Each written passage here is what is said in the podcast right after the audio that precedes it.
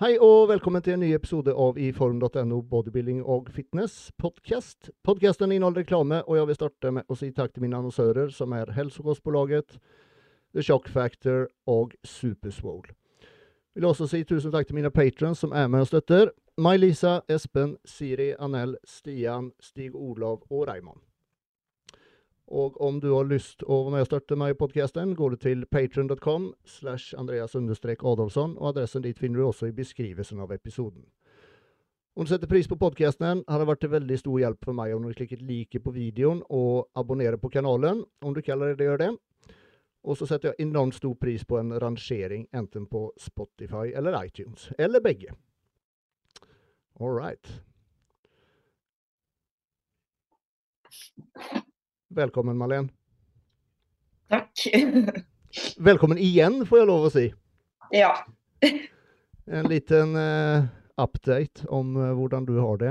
Jeg tenkte Det er jo kanskje ikke alle som har sett eller lyttet til den første episoden vi kjørte, så om du bare tar en kort liten presentasjon av deg selv, hvem du er, litt sånn. Jo, jeg heter da Malena Lida. Jeg er 26 år.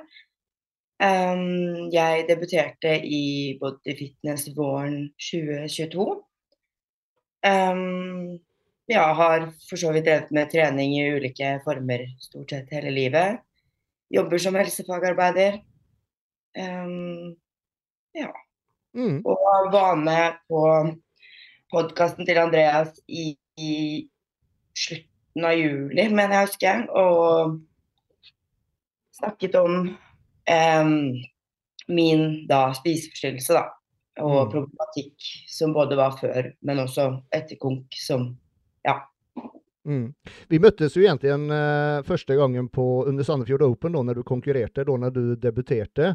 Og så mm. hadde, jeg, hadde jeg jo med deg på et intervju da, og da var det vel første gangen som du gikk ut offentlig og sa, og faktisk og sa det, at, mm. at du, du, har slitt med spiseforstyrrelse. Uh, og ja, det var veldig, veldig rørende, rett og slett. Rett og slett. Mm. Uh, og, uh, og, det er jo et tema som er som går igjen hele tiden. Det er ikke bare du som sliter med det, det er mange som sliter med. og man setter, jo, man setter jo på en måte ofte det i samband med at, at det er selve fitnessen er, som ikke er sunn, da. At det er på mm. grunn av den at du får spiseforstyrrelser. Uh, men det er ikke du helt enig i, og det er faktisk ikke jeg heller. Så det skal vi ta, det, det skal vi ta og snakke mer om etterpå. Men uh, grunnen til at du er med nå igjen i, i første hånd, det er jo at når vi snakka sist, da var du veldig dårlig. Mm. Og du hadde fått plass på et uh, behandlingshjem. Mm. Jeg var innlagt gjennom sykehuset. Mm. Mm. Uh, tenkte vi kan jo starte å snakke litt om det, hvordan det har gått. For du, som sagt, da når vi snakket sist gang, så var du ja, da var du dårlig. Veldig dårlig. Da var jeg veldig dårlig, ja. det er ikke noe å le av, men man blir litt sånn mm. mm. Det går opp for en på en måte at eh, fy søren så dårlig jeg egentlig har vært. Eh, og hvor langt jeg har kommet allerede. Altså, ja.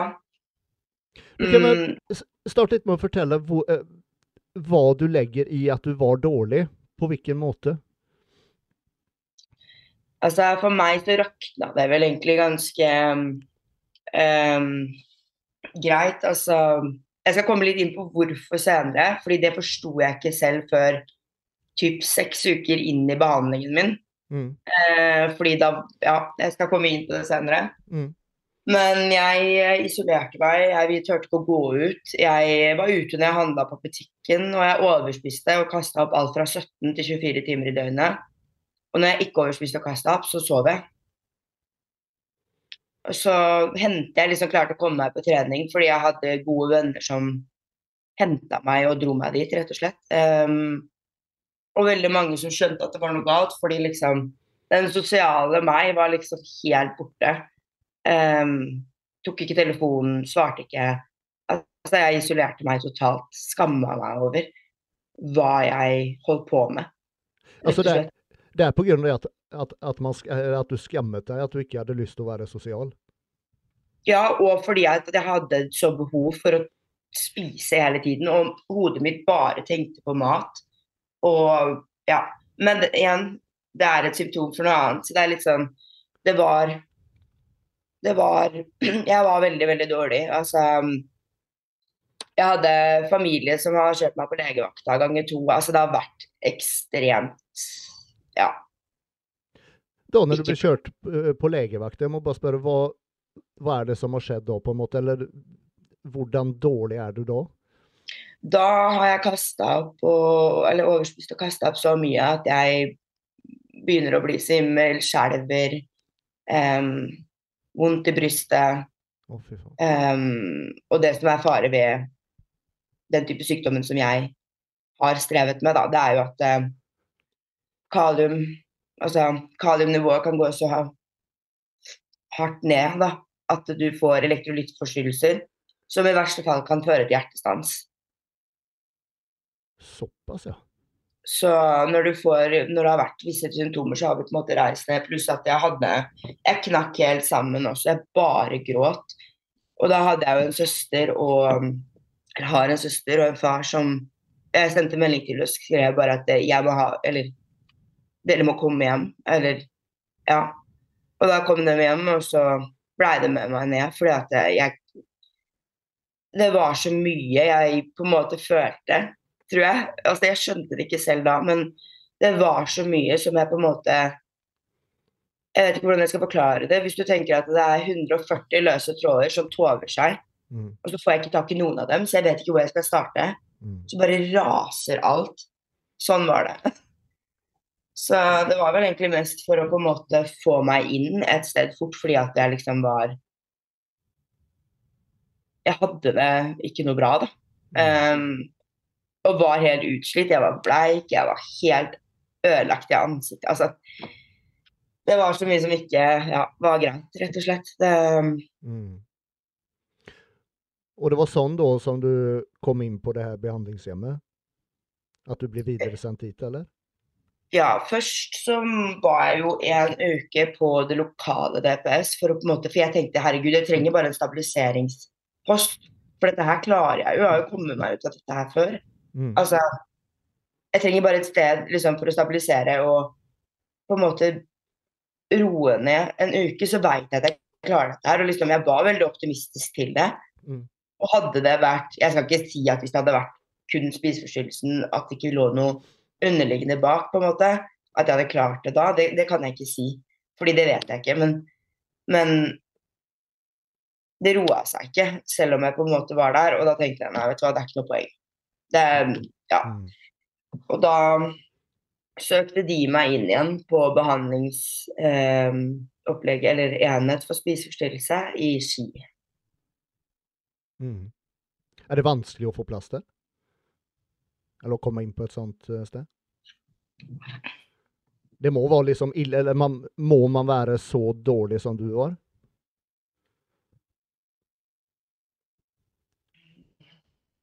Altså uten å utlevere noe, da, for jeg har jo ikke lov å utlevere andre pasienter. Men det er jo, eh, det er jo en variasjon av grad. Men de ser jo på graden av hvor syk du er i forhold til hvordan plass du får. Fordi Mm. på døgnbehandlingen så er det kun fire døgnplasser. Det er, fire, det er plass til fire pasienter Mm. eh, på døgn, og så er det tror det er fem på dagenheten. Eh, og da Altså, jeg var jo på døgn først i tre måneder, så Eller tolv Ja, tre måneder. Mm. Så det, det varierer veldig hvor man blir søkt, og hvilken grad man er dårlig. Um, på Altså På det tidspunktet jeg kom inn, så var jeg jo den eneste bulimetikeren.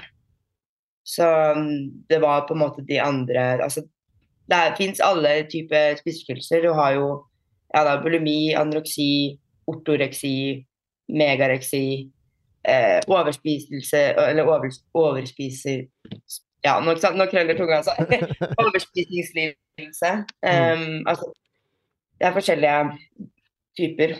Men jeg vil ikke si det er lett å komme inn. Det vil jeg ikke tørre å påstå.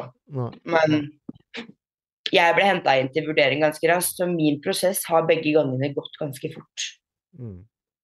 Men da har du på en måte også, eller i ditt fall da, de, det du nevnte da med kaliumbalanse, sånn e- e- elektrolyttforstyrrelse, ikke sant? At, Men jeg har ikke hatt det. Du har ikke Nei, OK. ok. Men, men, eh, men det kan lede til det, så det er jo på en måte veldig alvorlig. Det, er, det kan være livstruende da, i, i verste fall. Ja, altså bulimi er kjempealvorlig. Mm. Altså, det, det er det som er så skummelt, fordi ved anoreksi så kan man ofte se det. Eh, og på en måte ting går gradvis i en shutdown. Mm. Altså sånn, organene begynner å svikte. Altså, det Mm. går gradvis. Mm. Mens ved bulimi så kan du se ut som deg og meg. Eh, og, og i verste fall Altså, plutselig så får bakkroppen nok, og plutselig så begynner du å svinge kaliumet. Mm. Og så kommer elektrolyttforstyrrelsene, og i verste fall så kan det føre til en hjertestans. Så det er eh, Det visste jeg faktisk ikke, at, eh, at det gjaldt bulimi, at man kunne få eh, sånn kalium... Eller eh, elektrolyttforstyrrelse der. Det visste jeg faktisk ikke. Altså, du kan jo tenke deg ved for eksempel ehm, Ja. Hvis du tar mye vanndrivende eller avføringsmidler og sånne type ting òg, hvor du på en måte skyller gjennom kroppen, og kroppen ikke får tatt opp det den skal av verken næring, altså vann Mm. eller næring, da, så er det også sånn at du kan få elektrolyttforstyrrelser. Mm. Mm. Kan bli styrte. Så når du da kaster opp maten din i tillegg, Mm. eller, eller ja. Så på en måte blir det forstyrrelser fordi at det du drikker og spiser, det tar du opp igjen. Og noen er ikke flinke til å da drikke eller spise igjen ved siden av, mens andre er det, da. Mm. Så det er litt sånn Det varierer. Og jeg har vært kjempeheldig til tross for at jeg ikke Jeg har ingen blodprøver som viser at jeg ligger lavt på kalium eller noe sånt, og EKG-et mitt har vært fint hele veien. Mm. Så um, jeg har vært kjempeheldig, men jeg vet at det kan svinge fortere for andre. Og er, metabolismen vår er ulik. Man vet ikke. Nei. Huh. I hvert fall, du fikk da plass på, eh, på det her i Ski. Mm. Jeg vet, jag vet før du skulle dit, og eh, når vi snakket sist, så var du, eh, du var litt sånn eh, Skeptisk vil jeg ikke si, men du var For du fikk ikke lov å trene, vet jeg. Og det var et stort, det var et stort problem. ja. Åssen gikk det? Det Eller, for, eller bare fortell, fortell litt om, om hvordan det var. Du kom dit og ble lagt inn og Jeg ble kjørt inn av eh, min tante. Jeg hadde sovet hos onkel og, min onkel og tante. Um, og de kjørte meg inn, eller tanta mi kjørte meg inn på morgenen. Mandag 8., tror jeg, august, eller noe sånt.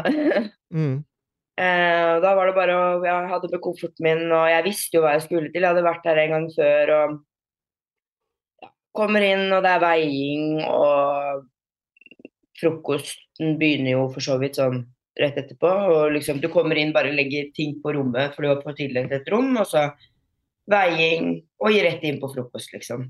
Og så er det behandlingsmøte etterpå. For mitt vedkommende, da. Kan, kan du velge hva du spiser, eller er det en fast frokost? Det Er liksom brødskiver eller noe sånt? Yes, det er fast. Jeg kan velge, Første dagen så kan du ikke velge, men eh, fordi at da kommer du, og de vet ikke hva du har. Men Mm. eh, på døgnposten så kan du velge mellom havregrøt eksempel, og brødskiver. Mm. Det, altså, du kan ikke velge, og du kan velge mellom brødskiver og knekkebrød, men du kan bytte ut én brødskive med to knekkebrød. Altså, det er sånn Det er Mm. veldig firkanta. Altså Ja. Så min startmeny var tre brødskiver tre ganger om dagen med to glass melk og uh,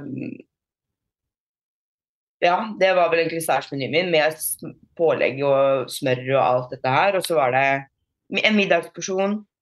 Og etter hvert så bare balla det på seg. Altså, jeg endte opp med fire brødskiver per måltid. To mellommåltider med en god morgenyoghurt, og disse var med sukker. Altså det er liksom helt annen verden. Eh, Eller jeg tenker liksom da for, for- oss eh, hva skal jeg si, fitnessgale folk som er litt sånn skrudd i huet, og eh, som er nøye med sammensetningen og måltider. Det skal være så mye protein, så mye karb og så mye fett, ikke sant? Hvor, Ja. Hvordan var det å liksom ikke kunne styre det selv, og så da det høres ut som det var relativt lite protein i den dietten, da. Ja, det kan jeg vel si at jeg syns det var. Så jeg valgte jo f.eks. ofte å ha egg på brødet eh, på to brødskiver. Sånn, jeg spiste nesten seks egg om dagen fordi det generelt var lite protein. For meg lite protein. Ja? Ehm, så uh, jeg valgte jo mye egg. Ikke sant? Jeg hadde fire brødskiver, så hadde jeg egg og kjøttpålegg ofte. Mm. Uh, men jeg kunne bare ha én brødskive med kjøttpålegg, for det er ikke så magert pålegg. Så det er sånn ikke, altså, Det den tok som magert pålegg, da, det var syltetøy. Um, hva var det? Syltetøy og sånn derre um, Ja, kjøttpålegg. Mm. Det var magert. Fordi det har lite fett. Ja, ja, ja, ikke sant. Ja. Så um, ja. Jeg hadde kjøttpålegg på én, liksom, og to med egg, og ofte én med makrell, så jeg fikk i meg litt protein, men det er ikke nær, altså på en måte på samme måte som jeg har hatt tidligere. Du har ikke mulighet til å, å, å ha med deg proteinshake eller noe sånt? nei. nei, nei, nei. Altså, det var så vidt jeg fikk lov å ha sånne her på rommet mitt, liksom. Altså, Ja, jeg hadde, jeg hadde det fordi at jeg bare Hva skal jeg gjøre, liksom? Jeg hadde på tørste i hjel. Altså, de hadde drikkerestriksjoner òg, vet du. Det var ikke bare Hæ? Ja, ja, ja.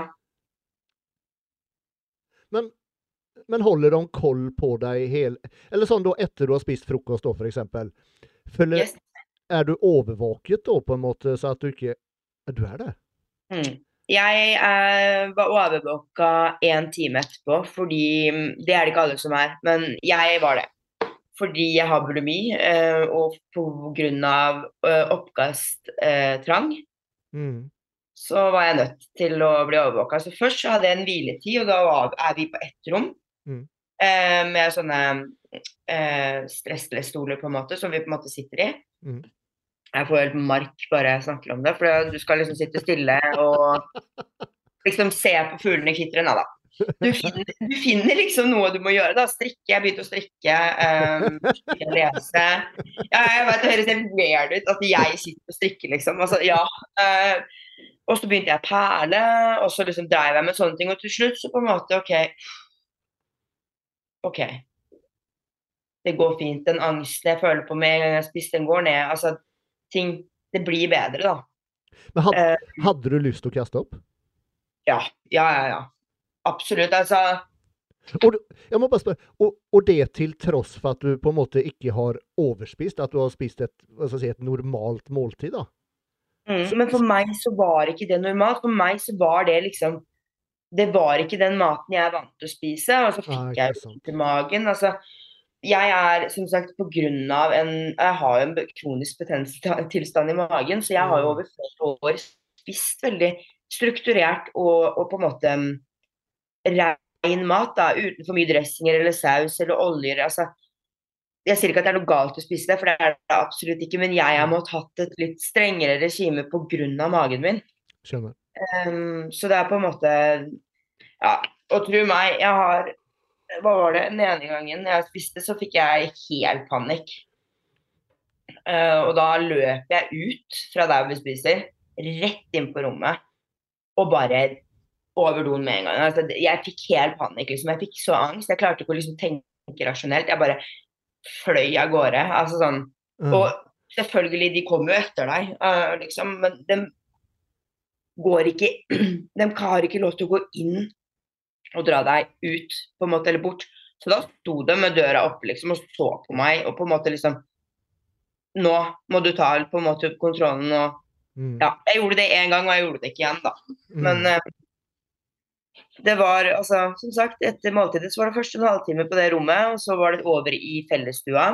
Mm. Og da var det sånn de som da hadde opp... For det er først en halvtimes hviletid. Den er obligatorisk for alle. Og så er det en halvtime oppfølgingstid. OK. Og hvis de da ser at du er urolig, så sitter de med deg litt til. De er veldig gode på å lese oss. De, eh, Men da, da etter den totale, eller den overvåkningen, på en måte, da er du fri til å gå på ditt rom og, og gjøre hva du har lyst til, på en måte? mm. Men ofte så var det så mye på timeplan. Mm. Så for meg, når jeg var ferdig med den oppfølgingstiden, så måtte jeg på do. fordi at det sier seg selv at etter en time Ja, ja. etter maten, man må på do. Jeg får ikke lov å gå på do egentlig innen en time. Mm. Og da var de ofte med meg. Altså Til slutt så sa jeg dere må være med meg, fordi hvis ikke så Ellers hadde du prøvd å kaste opp? Jeg hadde ikke prøvd. Jeg hadde kasta. Ja, du hadde gjort det. Ja. Så um, ja. Mm. Så det var eh, Starten var liksom vanskelig, samtidig som jeg visste hvorfor jeg var der. Jeg visste hva jeg ville. Jeg Mm. visste jeg hadde kommet meg ut av det før. Men så blir det brudd på rutinene mine igjen, rutinene, mine, nei, rutinene var allerede brutt. Med tanke på at jeg trente ikke på samme måte lenger, jeg kom meg ikke ut på samme måte, jeg klarte ikke å holde matplanen min, altså ingenting av mine rutiner, ingenting falt i jord, på en måte. Mm. Så var jo en bilulykke også som gjorde at jeg på en måte ikke fikk jobba. Eh, og alt bare Ja. Det bare Jeg følte liksom at det bare kollapsa rundt meg, selv om det hadde skjedd så mye bra i forhold til konkurranse og alt mulig. Men det, som sagt, det var ekstremt mye som lå under der. Ja. Og så var det da, som du sa, masse ting som skjedde samtidig, og da, da gikk alt i kras, på en måte. Mm.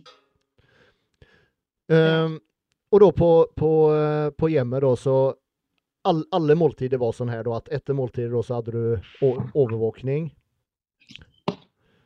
Hvor lang tid hvor lang tid på en måte tok det før Eller har du mistet Eller jeg regner i hvert fall med at du har mistet den trangen til å kaste opp nå?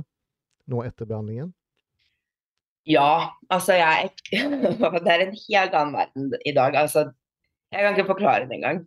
Men Mm. selvfølgelig, man har en Jeg også har jo en overspisingstrang på lik linje som et normalt annet menneske. At du liksom Fader, i dag har jeg lyst på alt, og så spiser man, liksom. Mm. Og selvfølgelig har jeg en Jeg må fortsatt jobbe med meg selv. Jeg vil ikke si Mm. at jeg er kvitt overspising og oppkasttrangen. Eh, og det hender jeg også på en måte har en smell eller to fortsatt. Det er ikke det jeg sier. Altså, Mm. for det har jeg. Men jeg jobber med det. Jeg jobber strukturert med å komme meg ut av en destruktiv og dårlig atferd. Altså, jeg vet at ikke jeg har lyst til å holde på sånn som det her. Ok, Hvis jeg har lyst til å spise to sjokoladeplater, det er helt greit. Bare spis de to sjokoladeplatene. Men du trenger ikke ha noe dårlig samvittighet eller føle noe, at du er et dårlig menneske eller en dårlig atlet eller Mm. you name it for det. Du har lov å kose deg på lik linje som alle andre. Er du på en oppkjøring, så er det, da er det noe annet. Fordi at du skal, som sagt, i en helt annen form. Men Når du er offseason, du har lov å kose deg. Du har lov å reise ut og gjøre litt andre ting, på en måte. Altså det, det er liksom Det er noe med å akseptere det, da. Det er lov. Du er ikke dårlig Sånn som for meg, jeg er ikke dårligere menneske fordi at jeg velger å spise en sjokoladeplate eller, Mm. eller hva som helst. Altså, Mm. men det er på en måte når ting blir så overdrevent at du ikke klarer å leve hverdagen din, at det blir et problem. Eller hvis du begynner med den destruktive atferden at du går fire timer med kardio, eller du eh, kaster opp, eller du trener mye mer enn du pleier, begynner å trene to ganger om dagen du, Altså, det er så mye Jeg blir så lei meg når jeg hører dette her, liksom. At folk skal kompensere også. Jeg hører liksom Ja, jeg spiste, men jeg gikk to timer kardio i dag, da. Mm. Meg, jeg blir sånn Vet du hva, herregud. Mm. Hvorfor? Ja, nettopp. Kan du ikke bare bruke Altså, spis den sjokoladen, nyt den, Mm. og så kjenner du på Altså, det har jeg gjort. Kjent på den der energien du har dagen derpå, når du faktisk Ja, greit, har spist litt mer enn hva du pleier, men fy søren så mye, mye mer energi Altså, mer energi jeg har. Mm. Det kan være placebo, det er ikke det jeg sier. Men jeg bruker energien riktig da, dagen derpå. Altså, Mm. det er ikke feil å dra ut på byen og spise nattmat heller, liksom. Du, hvorfor ha så dårlig samvittighet for hver bidige ting man gjør? Eh, Det er liksom Nettopp. Eh, Som du sier, eh, for eksempel etter eh, pizza på lørdag på søndag, man har en svinbra økt. Ja, ja, du- ja. jeg vet ikke hvor mange av gutta som sender sånn derre Å, fy søren, skikkelig pump og ja. blodårer, og jeg spiste det og det i går, og jeg bare Ja, ser du, det er ikke noe farlig. Nå må folk slutte å på en måte Og så er Jeg vil også på en måte bare nevne noe sånn, for jeg kan ofte bruke liksom riktig og feil mat, men det er ikke noe som heter riktig og feil mat. Det er noe som heter diettvennlig mat og normalmat og eh, litt mindre Altså mindre sunn mat. Men det er ikke noe som heter rett og galt. For det er ikke galt å spise på Makkeren en gang i ny og ne. Det er ikke galt å spise kylling og ris. Altså det er, det er alt med måte. Og så er det annerledes når du er atlet. Altså når du skal nå visse mål. Altså det er Ja. Ja, du spiser, du spiser for prestasjon, rett og slett. Ent, enten å prestere i form av at du skal, skal hva skal jeg si, gjøre det fysisk bedre, eller rett og slett komme i fysisk bedre form. Det er, liksom, det er for å prestere i den, i den gitte idrett, idretten. Mm, ja. Uh, vi må ta en kjapp reklame før vi fortsetter. Skal vi se.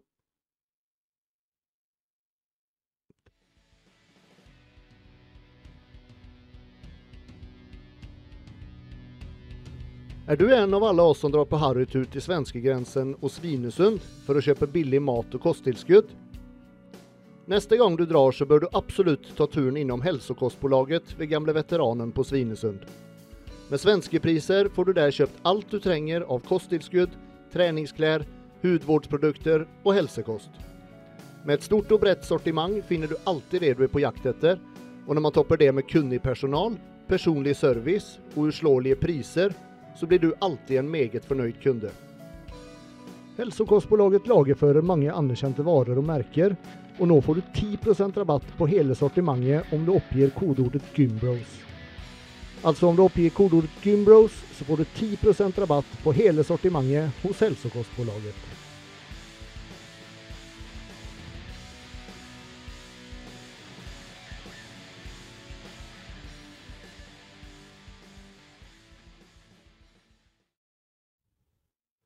Da er vi back. Uh, jo, hvor lang tid tok det da før, før, på en måte den her verst, eller trangen til å kaste opp etter hvert måltid forsvant, og at du kanskje ikke trengte overvåkning? Mm. det var um...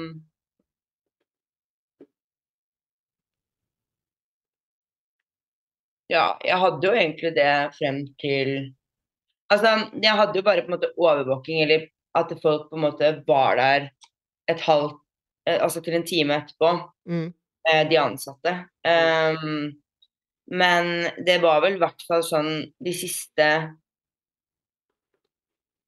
Ja, jeg vil Jeg mener å huske at jeg ba om at vi kutta ned på uh, oppfølging Altså hviletid har vi alltid, men oppfølgingstid ba jeg om at jeg kun fikk etter kveldsmat og middag. F.eks. at jeg halverte det, at jeg ikke fikk det til alle måltidene. Mm.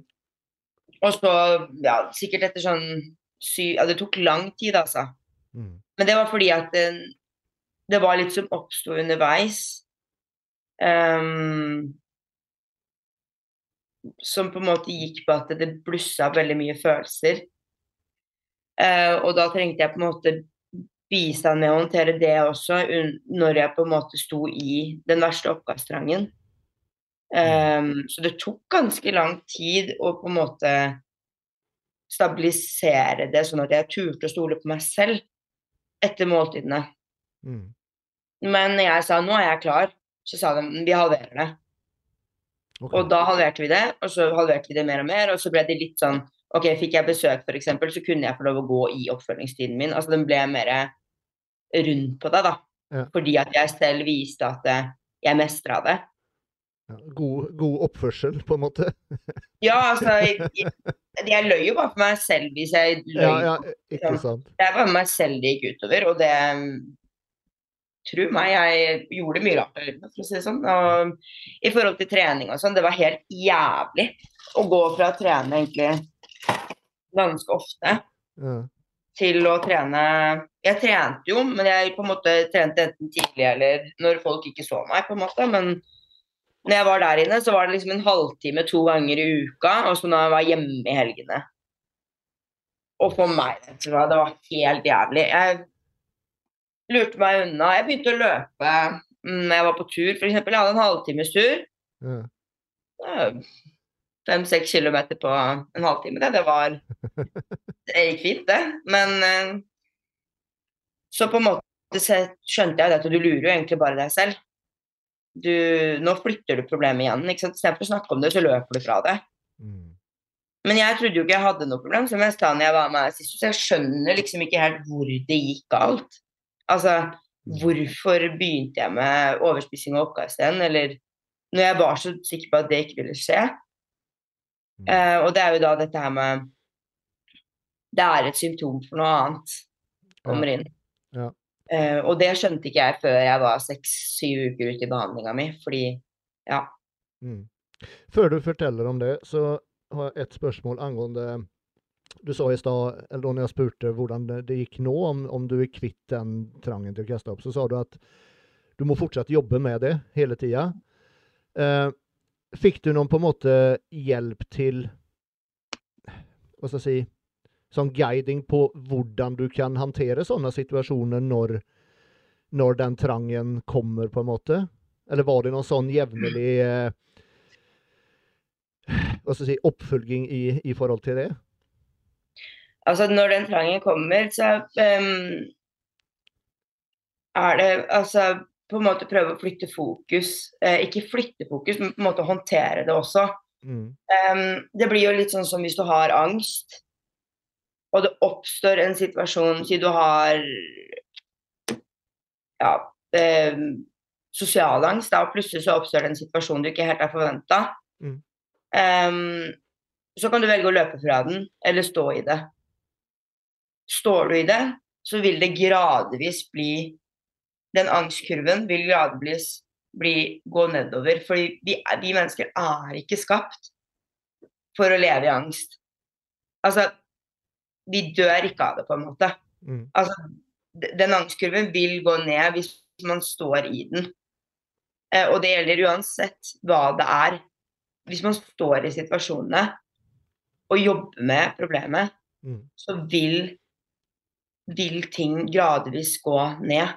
Det er ikke gjort på en dag, det er ikke det jeg sier, men man lærer seg jo på en måte å håndtere det annerledes. For meg så ble det sånn Jeg satt og strikka eller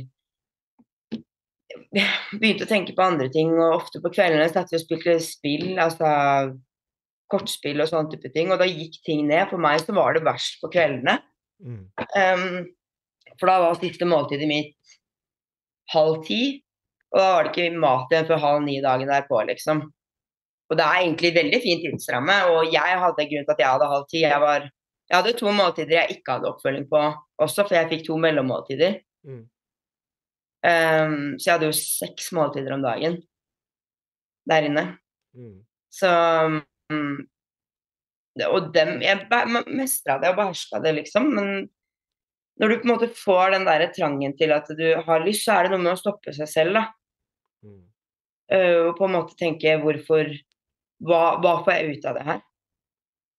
Altså mm. Hvis du overspiser og kaster opp eller overspiser, du sitter jo ikke med noen god følelse etterpå. Ofte så på en måte, En ting er hvis du på en måte sitter i en middag og den maten var god, så spiser du, så glemmer du egentlig å tenke etter at du er mett. på en måte. Mm. Den har vi vel alle følt på. At det liksom plutselig så bare Å, oh, shit, nå ble jeg mett. Ja. Men da handler det om å stoppe der, mens andre spiser over der. De spiser til man også får vondt.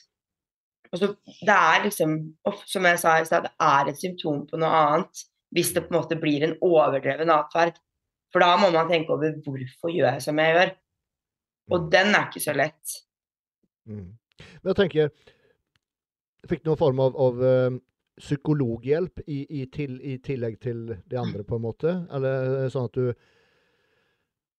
øh, Ja. ja jeg, jeg, hadde psykiater eh, på, på, stedet, på en måte, som hadde Min behandler på stedet var en psykiater. Okay. Og hun hadde jeg sist gang jeg var der også. Mm. Eh, og underveis i oppholdet så hadde hun, var, hadde hun noe sånn permisjongreier, og da fikk jeg en annen psykolog. Mm. Eh, og jeg er egentlig veldig sånn som forholder meg til én, og syns det var litt vanskelig, men det var helt, helt Det åpna en helt annen side av meg. Så det var veldig bra. Sånn Ja. Eh, vi hadde jo grupper også. Det var jo en del grupper. Det var sånn psykoedikasjon, eh, følelsesgrupper eh, Ja. Eh, vi hadde en gruppe som heter Her og nå, hvor vi på en måte var samla med dagenheten også. Da var det døgn og dag sammen. Og så var det én time, da. Hvor det var rom for å på en måte prate om alt. Og da kunne man snakke om alt. Altså sånn Det var takhøyde for alt. Um, jeg kan ikke si noe om hva andre har sagt, men jeg kan si f.eks. at jeg har selv på en måte sittet og sagt at jeg syns det er skikkelig dritt. Jeg har det vanskelig, jeg er drittlei av å ha det sånn her. Altså mm. Eh, det er takhøyde for alt. Og når én åpner seg, så åpner ofte andre seg, og så blir det en, en god samtale, da, med en, altså en type støttesamtale mm. pasientene imellom, da. Mm. Og så sitter jo da psykologen og psykiateren der sammen med oss, da. Mm. Så masse grupper, det er full dag, det er liksom Det har vært alt. Mm. Du sa at uh, da når den psykiateren uh, ja, tok ferie, eller, og du fikk en ny, um, så åpna det på en måte en helt ny side av deg? Eller du Det ble Det var helt annerledes? Hva var det som ja. var annerledes? Um, alle mennesker er forskjellige, um, og alle mennesker gjør ting på forskjellige måter. Um, mine behandlere der inne, de gjør ting på en måte De gjør Hva skal jeg si de, ang, de, det, blir ikke, det blir feil å si, men hvordan ja, angrep ting på forskjellige måter. Skjønner. Um, og så var jeg jo litt inne i prosessen når jeg fikk den andre behandleren. Um, men allikevel så på en måte Jeg tenkte han der, der kommer jeg til å klikke om jeg har, liksom. Han er så rolig. Altså, hun andre var liksom veldig meg, på en måte. Ikke Men sånn som jeg liker det, direkte. Mm. Sånn på alt. Liksom. Hun, hun var sånn Og det er sånn jeg liker det, men sånn var veldig rolig og veldig sånn ja, hun er rolig, hun òg, men jeg bare, vi, vi, kjente hverandre så godt at det, det var liksom veldig straightforward. Ja, du var trygg på henne på en måte? Du kjente henne? kan man si ja, sånn. mens han var jeg ikke trygg på, og var på en måte Jeg skept, var skeptisk. Mm. Uh, men så Jeg veit ikke, bare allerede første timen jeg hadde med hans, bare Herregud hva skjedde her? Så når hun andre kom tilbake, så ville jeg jo egentlig ikke bytte tilbake igjen. Fordi at vi, hadde, vi var i så god driv. Mm. Så det er mye, mye, oppfølging i behandlinga. Du sitter ikke bare på et rom, og sturrer ut av vinduet, liksom. Det er ikke sånn som du ser på film hvor du blir overlatt til deg selv og slår huet i veggen, liksom. Den, eh, det er samtaler hver med miljøterapeutene, holdt jeg på å si. Mm. Um, anytime you want. Um, og ofte en gang i løpet av dagen. Det er planlegging. Vi planlegger helgene når vi har permisjoner. Altså, alt er veldig nøye gjort der. Det er veldig, det er veldig rigide rammer. Det er veldig firkanta. Mm. Eh, på en måte som jeg kan si at det, sånn som når vi er på oppkjøring også, det er veldig firkanta det òg. Det er en struktur. Det er det. Men den samme strukturen har jo har det med å gi type behandling. Altså dette er med rutiner, mat, søvn hvor viktig ting er, da. Mm. Så ja. Du sa eh, syv uker inn i behandlingen så eh, Så på en måte kom det fram ting som gjorde at du skjønte mer hva kanskje hele, hele spiseforstyrrelsen kom ifra? Mm. Hvordan, eh, hvordan, hvordan oppdaget du det, eller hva var det som skjedde der? Um, jeg tror nok mye av det roa seg hos altså sånn, Begynte å liksom roe seg bitte litt hos meg fordi um,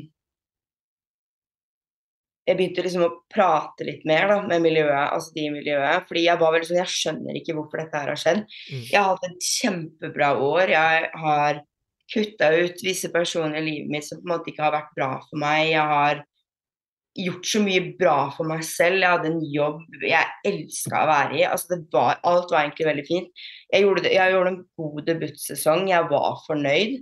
Mm. Men som også da Monica sa, um, altså coach Monica, mm. at det liksom Vi så allerede bare noen timer etterpå at det var noe som ikke stemte. Etter konkurransen, uh, tenker du? Yes. Tre timer. Ja, jeg tror det tok to-tre timer, så var det som om jeg ikke følte noen ting. Jeg var helt nummen. Jeg var helt flat. Jeg følte ingenting. Um, ikke glede, ikke sorg, ingenting. Jeg klarte ikke å liksom Jeg tror jeg med sikkerhet kan si at de som så meg etter EM, så at jeg på en måte ikke klarte å Jeg veit ikke. Jeg ville gå for meg selv, jeg ville være aleine. Det var liksom Jeg skjønte ikke hva som skjedde. Fordi jeg hadde jo all grunn til å være kjempestolt og kjempeglad. Ja, absolutt. Men da kom nok alt jeg på en måte har jobba for de siste årene, som har mer enn bare en overflatisk, overflatisk side. Mm. Den, det underliggende begynte å komme, og det har ikke jeg fått jobba med på mange, mange, mange år. Um, og ja. Det heter rett og slett følelser, uh, for å si det sånn. Det kom for mye følelser. Um, og det som da skjedde som gjorde at dette her faktisk gikk opp for meg, det var seks-syv uker etter min behandling. Og jeg sitter og snakker med eh, en um, som jobber i miljøet. Mm. En super, superflott sykepleier. Altså, ja, en av de nydeligste menneskene jeg har møtt noen gang, tror jeg. Mm. Um, hvor, hun, hvor, vi sitter og snakker om det, hvor jeg på en måte liksom Ja, men jeg skjønner det ikke. Jeg skjønner ikke hvorfor jeg havna i den posisjonen her igjen.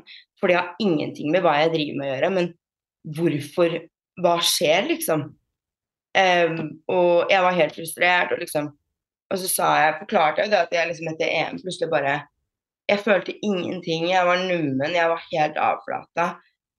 Og så sa hun til meg Men var du egentlig det? Og så sier jeg liksom Ja, hva mener du? Nei, helt ærlig så tror jeg det som har skjedd her, er at eh, du har gått og båret på ting så sykt lenge også når du f.eks. da drev med fitnessen, eller drev og på en måte jobba mot det, mm. at du skulle på en scene, mm. så bare skjøtta du ned alt fordi at du ikke ville bli Altså alt som skjedde underveis under prepp også. Eksempel, ja, jeg var gjennom et sånt hva skal jeg kalle det, halvveis brudd. Eh, ja, det var mye som skjedde. Mm. Men jeg håndterte det ikke. Jeg liksom bare OK, Iris hvor Iris. Altså, altså det var ingen som så på meg at jeg hadde det noe vanskelig i den forstand, fordi at jeg liksom Jeg var på jobb hver dag, jeg trente, jeg var på poseringer Altså alt var liksom Men jeg håndterte ingenting underveis. Litt sånn derre boy mind, som jeg kaller det. Litt sånn derre bare surfer gjennom ting, og så tar jeg aldri tak i ting. Mm.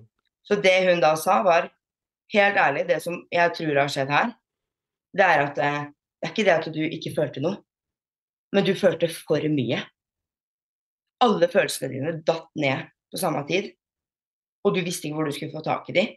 Og på den måten så følte du deg nummen og avflata, for det er det du kjenner til. Du ikke vet å håndtere. Du vet ikke hvordan du skal håndtere. Skjønner. Huh. Og, men, men uh, Kan det da på en måte være, være en uh, en grunn til spiseforstyrrelsen i seg. Ikke bare nå etter konkurranse, men også tidligere. At du på en måte hele livet har si, holdt følelser inni deg da, istedenfor å gi utslipp for dem, på en måte? Mm, det er absolutt, og det ser vi jo opp igjennom også. For jeg har jo hatt andre problematikker som jeg har vært i behandling for. Um, og um, jeg snakket jo jeg snakket jo litt med Monica i går, faktisk, um, over ja, altså telefon. Og liksom fordi Ja. Um, vi, og vi begynte liksom å prate, og som hun sa at liksom, de har fulgt meg hele veien. De har fulgt meg siden 2019. Mm. De er, har vært veldig nære hele veien. Mm. Um, og dem så nok mye som ikke jeg så, fordi de kjenner meg jo. Mm. Um, og som hun sa, at hun, hun så vondt, hadde så vondt inni seg fordi de lot meg på en måte stille på, på vårparten som var, da. Mm. Altså i 2022. Mm. Fordi hun tenkte liksom Nei, vi burde venta. Men som jeg sa til henne Nei, for det er ingenting dere kunne forutsett. For dette her bunner i noe helt annet. Ja. Dette bunner i Alt i alt bunner det i et følelseskaos som jeg som 26-åring har måttet lære meg å håndtere. Noe jeg skulle lært når jeg var mye mindre, da. Altså all form for mm. um, kompenserende atferd, om det så er ja, rus, overspising, oppkast, anoreksi, eh, en type angst, en type depresjon, altså uansett hva det er, så er det et overfladisk navn på en diagnose. Mm. For det ligger så mye mer bak det. Mm. Men Det sånn, er liksom så, sånn når du tenker tilbake da, når du var yngre, kanskje tenåring, yngre tenår og sånt. Kan du på en måte huske at du har holdt følelser inni deg? At du på en måte ikke har gitt utløp for f.eks. at du har vært veldig lei deg noen ganger, eller, eller sånne ting? Eller kanskje ikke vært noe flink å snakke om ting? Ja. eh, jeg på en måte Jeg kan snakke om ting, men jeg snakker om dem overfladisk, og så jeg heller, har jeg heller vært der for andre. Um, jeg har på en måte vært en av gutta, ikke sant. Når du henger mye med gutter og har mye guttekompiser, så er det på en måte ikke det du Det på en måte faller seg ikke helt naturlig inn. Ja, det blir kanskje ikke de, de, dyp, de dype samtalene der du faktisk forteller helt hvordan, Nei, altså- hvordan ting er, at du på en måte du bare bagatelle, bag, bagatelliserer, heter det? Bagatelliserer. Ja. Bagatelliserer. Eh, ja, altså På en måte, Jeg visste jeg kunne snakke med vennene mine om ting, og det gjorde jeg jo også, men på en, til slutt på en måte så følte jeg at eh, jeg ikke hadde lyst til det, fordi at eh, Ja, jeg var mer flink på å holde ting inni meg, da, fordi at jeg har gjort det store deler av mitt liv, da. Mm. Men jo, takler du sånne ting annerledes nå, eller just med følelser, da? Er det, det er noe som man må jobbe med, regner jeg med? Det er jo ingenting du bare kan forandre over natta, på en måte? og Nei, nei men én ting er at du må komme dit at du må innse at det på en måte er mm. det som er en greie. Altså, når jeg fant ut av ting, så fant jeg ut at jeg kjente jo til to følelser. Det var det overfladiske lykken, som jeg viser alle andre, Mm. eh, og sinne. Ja. Sint er en følelse, og den følelsen har jeg brukt mye, liksom. Altså, sånn, det har vært en følelse på en måte for meg, eh, som for meg har vært trygg, da. Mm. Eh, å vise eller håndtere, på en måte. Um, så jeg har nå med tiden Det er lov å være lei seg, det er lov å føle, det er lov å gråte. Jeg sier ikke at jeg gråter mye, fordi jeg er veldig dårlig på det. Men det er liksom Jeg har Jeg evner nå å forstå mer at det, de andre følelsene er mer riktige. Mm. Og det også gjør jo at symptomene på en dårlig eller destruktiv atferd graderer, fordi du forstår mye mer av følelsene. Fordi jeg er ikke der at jeg forstår dem 110% Den prosessen er lang, og jeg driver fortsatt og jobber med følelseshåndtering. Mm. Så um, det er, men det er en start på noe. For jeg trodde jo ikke det var noe sånt i det hele tatt. Jeg vet ikke om jeg tror ikke jeg sa noe jeg, engang om det på poden jeg var med sist. Nei, jeg tror ikke det. Jeg tror ikke det. Mens nå så veit jeg at dette her alt i alt handler om følelser. Ja. Og for mitt vedkommende hadde de catcha meg i en alder av åtte-ni år, hvor jeg var i kontakt med, med det psykiske helsevernet allerede da, Mm. i form av en utredning for ADHD-diagnose, som i etterkant skal vise seg at egentlig ikke stemmer. Um, altså, ja. Mm. Uh, hvis de hadde begynt å catche meg allerede der at dette, ok, Hvorfor er den ungen så sint? Hvorfor klarer ikke den ungen å sitte rolig? Hva, hva er det. Med det barnet? Altså, Begynte å grave istedenfor å det, Jeg føler mye i helsevesenet, det er jo at den, den finner en diagnose. Og for mitt vedkommende, ok, da hadde jeg en diagnose, da, da forsto jeg hvorfor jeg gjorde det som jeg gjorde, og ting var som det var. Mm. Og så behandler man det litt, og så rett ut. Mm. Men det går, jeg har aldri gått i dybden på noen ting jeg har vært i behandling for. Før nå. Men da som Som følelse da som, som på en måte munner ut da i at det blir spiseforstyrrelse. Er det, er det at det blir, blir en form hva skal jeg si, som trøstespising, da? Eller for å tilføre følelser som man kanskje mangler, eller hva, hva Har du noen teori på det, hvordan det ble at det ble en, en spiseforstyrrelse? For meg um, så er, var det det at uh, når jeg overspiser og kaster opp, så var det på en måte kun det jeg tenkte på. Da var det ikke rom for andre ting. Um, og det medførte jo at uh, jeg gjorde jo det, fordi at jeg, jeg forsto ikke følelsene mine. Jeg forsto ikke hva som gjorde at jeg følte meg så tom, og hvorfor jeg hadde så vondt Mm. inni meg, liksom. Mm. Uh, Ja. Det Så for meg, så ikke sant, akkurat som ikke sant, Noen velger rus, f.eks. Altså, rus er en form for flukt for, for mange. Mm. Eh, spiseforstyrrelse også er en flukt fra et eller annet, eller en måte å ta kontroll. Mm. Eh, en bulimetiker har ikke kontroll på det nivået eh, som en kanskje anorektiker har, fordi det er liksom Ja, det er veldig messy eh, på den fronten der. Altså, mye er veldig rotete. Mm. Um, så det er vanskelig Jeg syns det er vanskelig å si en fasit på noe som helst, fordi det er ofte liksom en grunn til at man reagerer eller gjør som man gjør. Mm. Det, også, så, som i ditt fall nå, i og med at du har hatt spiseforstyrrelsen så lenge, så det, det er jo på en måte en diagnose, og så sen da har du i tillegg da på en måte følelser, kan man si. Så du må på en måte jobbe med begge nå, for spiseforstyrrelsen er jo der. Og ja, samtidig som du Bak spiseforstyrrelsen så er det da det, også det med følelser, på en måte. Så det er liksom to ting du må jobbe med, da. Kan man si det sånn?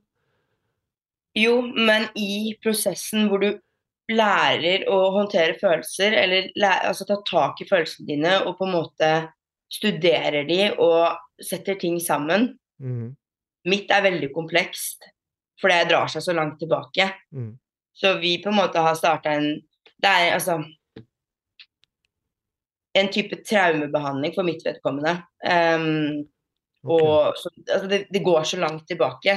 Og vi har vært innom temaer denne runden her som ikke har vært inn, gått inn Jeg toucha det ikke forrige runde engang. Jeg bare gidder ikke å snakke om fortida mi, fordi er rist, jeg, jeg er ferdig med det. Jeg har Altså, det er ute av livet mitt. Det er ikke en sak lenger. Jeg har valgt å um, tilgi hva som har skjedd, for å komme meg videre og for ikke gå og være sur og grinte over ting, liksom. Mm. Så er, jeg toucha ikke ved det, mens denne gangen her så på en måte begynte vi der, og så var jeg litt sånn Men hvorfor? Og så sa han vet du hva, vi tror vi må det, for vi ser jo at du, dette her, du får jo du, Det kommer jo Det er jo et gjentagende problem. Så her bunner det i ting som ligger veldig langt tilbake. Mens jeg er veldig sånn up and forward. Altså er jeg ferdig med noe, så er jeg ferdig med noe, og så går jeg videre. Mm. Så det var nok eh, Ja, men igjen som på en måte um, Hvordan skal jeg si det? Jeg I behandling ved å forstå følelser eller forstå deg selv, så vil symptomene, når du jobber med deg selv, vil avta, for du får ikke samme type trang til å gjøre ting fordi du jobber for å bli bedre, da. Mm. Uh, selvfølgelig, tro meg, jeg blitt, var kjempedårlig en periode igjen etter jeg begynte å håndtere følelsene mine. òg, Fordi når, du, uh, når jeg lagde spillerom for at ok, vi kan begynne å trekke inn litt, så kom det veldig mye. Fordi at ting jeg på en måte har lagt helt flatt, Ja. bare på en måte begynte vi å prate om og jobbe igjennom. Mm. Ok, hvordan var følelsen din på det tidspunktet? Mm. Altså, shit, det er 15 år siden, hvordan skal jeg huske det? Altså det, var, det er dybdejobbing, da, og med deg selv. Mm. Du sier trauma. Er det, er det noen, en spesifikk hendelse, eller er det flere Mm, det er flere. Ja. Så no, mm. noe du vil snakke om, eller noe du vil fortelle hva det er? Eh, Jeg ønsker ikke helt å utlevere det, men Nei. eh, Det det har vært eh, Altså, for å si det veldig For meg så har det vært eh, fysisk og psykisk vold i nære relasjoner. okay. som har medført at eh, som medførte at jeg som barn allerede har vist en ganske eh, ja, en ikke på en måte fortalte ting, da. Jeg ville ikke eh, si noe, jeg ville ikke gjøre andre lei seg, jeg ville ikke Hvis jeg sa noe, så ble jeg ofte ikke trodd på det før de fant bevis på ting. Altså det var litt sånn Det begynte i veldig ung alder, og det gjorde at jeg i veldig ung alder også lukka meg på det fronten der. På, fordi det var ikke noe poeng å si noe. Nei. Så mm. Men da som nå, nå på en måte når, du, eh, når dere har begynt å grave tilbake i det, er det, er det vondt for deg å, å på en måte gå tilbake og, og tenke på de tingene igjen? Kom, kommer det mye følelser ut av det nå når du Hva skal jeg si Jobber med det, da? Det kommer mye følelser, for jeg begynner å forstå hvorfor.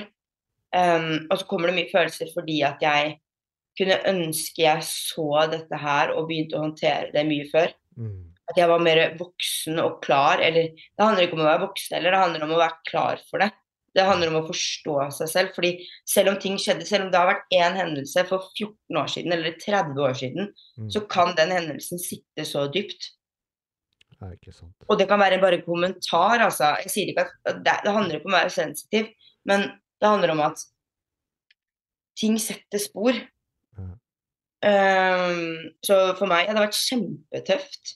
Det, har vært, det er fortsatt tøft. Mm. Um, fordi at jeg blir nå på en måte forklart hva som er rett og hva som er galt. Mm. Altså Jeg vet jo selv at hadde jeg på en måte hatt egne barn, så ville jeg altså gjort ting på en litt annen måte. Uh, og jeg ville ikke latt det som har skjedd med meg, skje med de.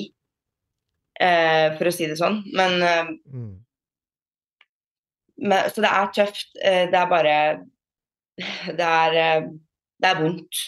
Mm. Og alle som har gjennomgått en type traumebehandling eller har opplevd en av form for traume, vet hvor vanskelig det er å rippe opp og begynne å jobbe med det.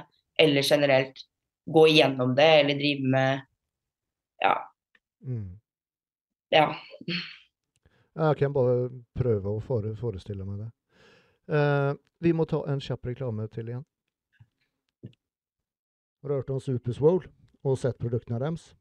De har alt av eh, T-skjorter, gensere, kopper, postere og andre småartikler med både humoristiske og selvironiske trykk.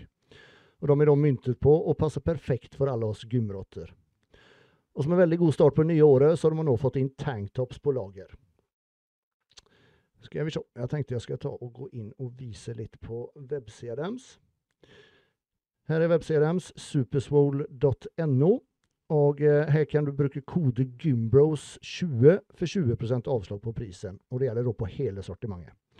Nå har du også sagt T-skjorter, gensere, tanktopper. Shortser kommer snart på lager. Eh, de har også plakater, postere, kopper, flasker. Og de kan også bistå med profilering på ditt gym om du har lyst til det. Eh, tanktoppene kommer i masse forskjellige størrelser fra small opp til 4 XL, og det er da unisex. Og som dere ser her, så er det da masse forskjellige trykk. Alle finner noe de liker. Og det er både da som er myntet på jenter og på oss mannfolk. Dirty bulkier. Uh, cardio tar en evighet. Carbfighter, Flexfiles. Uh, ja, det fins alt mulig. Leg Day Survivor, Big Ties, Thin Patience, Muscle Mommy, Do Even Lift Bro. Uh, T-skjortene kommer i masse forskjellige farger. Hvit, svart, beige, grønn, blå og gul. Uh, de har da gensere. Litt mer myntet på jenter, tenker jeg. Ja, alle finner noe som de liker. Så om du har lyst til å gi, om du skal ha en uh, gave til buddyen din, eller uh, bursdagsgave til kjæresten din kanskje, så er dette sånn litt artige, artige greier. Ta en tur inn på superspol.no, og så bruker du kode gymbros20, så får du 20% avslag på prisen. All right. Så, så man kan si at du har på en måte du har nå funnet grunnen til din spiseforstyrrelse, rett og slett? Altså, jeg har funnet roten til mm. mye mm. av mine konflikter opp igjennom med meg selv, da. Mm. Mm. Um, for jeg har hatt andre ting også, det er ikke det, liksom. Altså, jeg har jo slitt med angst og uh, hatt OCD, altså Obsessive Compulsive Disorder, tvangslidelse og alt mulig sånn. Um, jeg har hatt mye, men så har det på en måte vært et overfladisk jobbing med de symptomene som har vært der der og da, istedenfor å gå i dybden. Og folk, jeg vet, altså tro meg, jeg veit at man tenker jeg er ferdig med det, jeg har jobba med det, nei, det, det, påvirker ikke livet mitt lenger. Men da vil jeg at folk skal spørre seg selv Har du jobba med det for deg selv, eller har du valgt å tilgi eller gå videre i livet fordi det er for vanskelig å håndtere, eller at det blir eh, for mye å på en måte føle på? Fordi det er to forskjellige ting. Hvis du hele tiden flytter følelsene dine, Mm. så vil det smelle til slutt. Du må håndtere de. Du må ta tak i ting. Du må Du må Ja, det hjelper ikke å bare liksom Nei, OK, feie det bort, og så Til slutt så smeller det. Og det spiller ingen rolle om du er han, hun, hen. Altså det spiller ingen rolle hva du er, eller hvem du er. Mm. Eller hvor du kommer fra. Mm. Det er viktig å jobbe med med seg selv, da. Mm. Men da når du sier jobbe med å, å liksom ta tak i ting, Mm. må, må man ha La oss si da at man har noe, noe i, i, i fortiden som man på en måte bare har skyvd litt til sida og bestemt seg for å, å gå videre fra uten å egentlig konfrontere det, uten å jobbe med det, som du sier. Men, Mm. men da om man skal Om man har noe sånt då i fortiden, og Mm. man har lyst å på en måte ta tak i det og kanskje jobbe litt med det, må man, eller bør man, ha hva skal jeg si, profesjonell hjelp i form av en psykolog eller noen man, man kan eh, sånn, hva skal jeg si, yrkesperson man skal snakke med, eller, eller kan man gjøre det på egen hånd? Ehm, det varierer jo litt, da. Uh, for noen så hjelper det på en måte å åpne seg for sine nære og kjære og prate med de og få råd og alt mulig sånn. Jeg personlig um, trenger noen som er litt utenforstående. Um, fordi at den tilliten på mitt ståsted er litt svekka i forhold til mine nære og kjære. Altså mine, min søster, min lillesøster, hun, hun er det kjæreste jeg har. ehm, og hun kan jeg prate med om alt, men så vil man ikke belaste Man føler ofte man belaster folk. Ehm, men så har jeg jo selvfølgelig venner jeg kan prate med om alt. eh, men igjen så vil jeg ikke belaste de heller. Så det har vært litt sånn For meg så har, ting, har ting vært litt sånn innvikla at det, hvis jeg forteller om fortiden min eller hva som har vært, jeg, jeg vil ikke ha den der sympatidelen fra folk. Jeg vil ikke ha den derre 'Å, stakkars deg', eller Mm. Jeg skjønner. altså, 'Det er synd på deg', og 'herregud, har du opplevd det?' Jeg, jeg trenger ikke det i det hele tatt. Jeg trenger kanskje råd eller OK um, Hvis det er noe jeg ikke gjør Hvis jeg reagerer eller responderer dårlig på noe, så liker jeg Altså, de venn, gode vennene jeg har, og er sånn der Men hvorfor reagerte du sånn? Den får meg til å tenke, liksom. Altså, hvorfor gjør du Altså det kan være småting som jeg plutselig får helt panikk over, liksom. Så bare hva, hva skjer, liksom? Mm. Og så må jeg kanskje gå et par dager før jeg på en måte kommer til meg selv og så bare OK. Ja, og det er noe jeg evner nå, altså. Ikke noe jeg evna før. Men grunnen til at jeg kanskje reagerte som jeg gjorde, var fordi Ja, som bærer til fortiden igjen, da. Ikke sant. Altså, det er Mm, sånn så jeg vil jo påstå at man kan absolutt bruke de rundt seg. Man kan begynne å skrive, man kan finne sine måter å håndtere sine følelser på.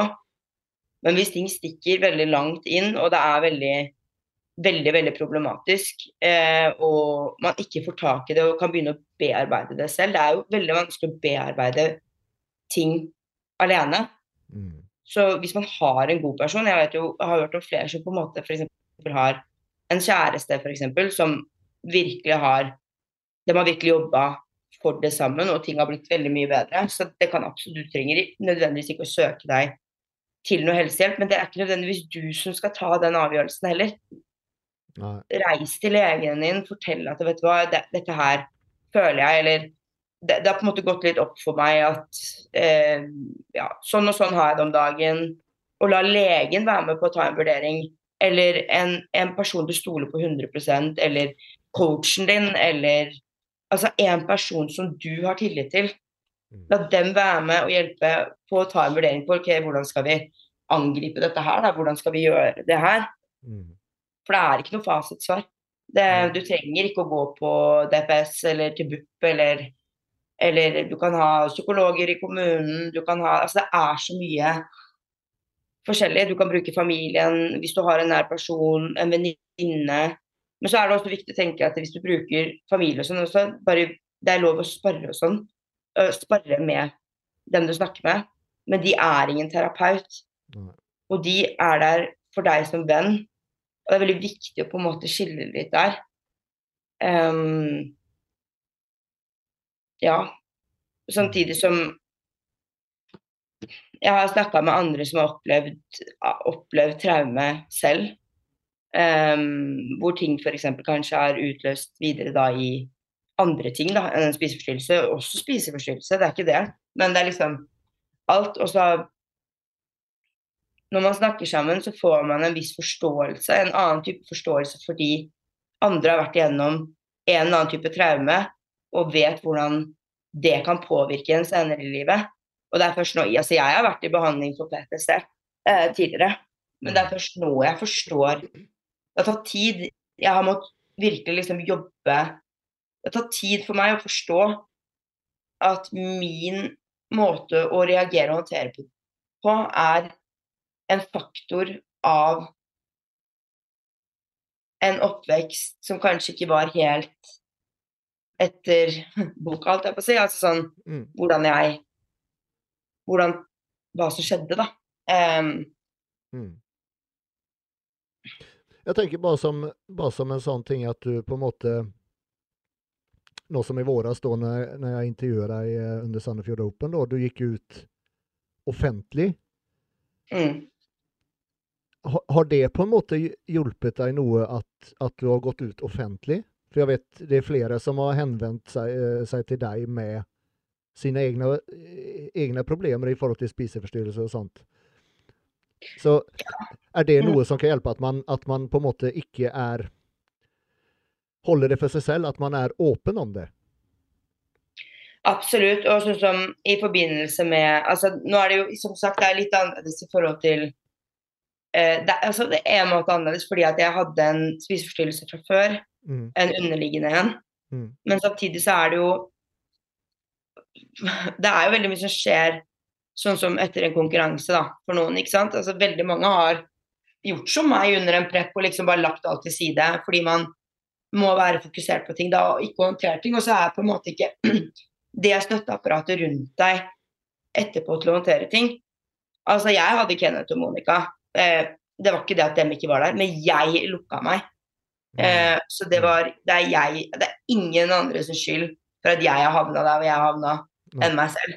Nei, ikke sant. Um, så det er litt sånn Ja, jeg Alle har ulike ting, og det er ikke Altså Jeg vet ikke hvor mange ganger vi har på en måte prata om, eller dere også i, i podkasten, også uh, med hele gjengen har prata om dette her med tiden etter konkurransen, hvor vanskelig det er, uh, alt dette her. Og ja, det er tøft. Jeg tror det er tøft for alle. Fordi at eh, kroppen endrer seg, hormonene kommer tilbake. Folk som har ligget lavt på fettprosent, er jo mentalt her. Mm. Så det er litt sånn ti, tilpasning hele veien, da, på, Mm. på det. Um, Men der tror jeg også, som du sier, vi har jo snakket mye om det, just da tiden etter konkurranse er, er beintøff. Men Mm. Jeg vet, eh, sist vi snakket så fortalte du at du hadde hørt en eller annen episode av eh, når vi satt og snakket om det i Gymbros. Og du, du var ikke alls enig for det. Det skulle i hvert fall ikke skje. Og det Jeg tenker Det er på en måte ikke noe man kan forberede seg på heller, hvor, hvordan det faktisk er.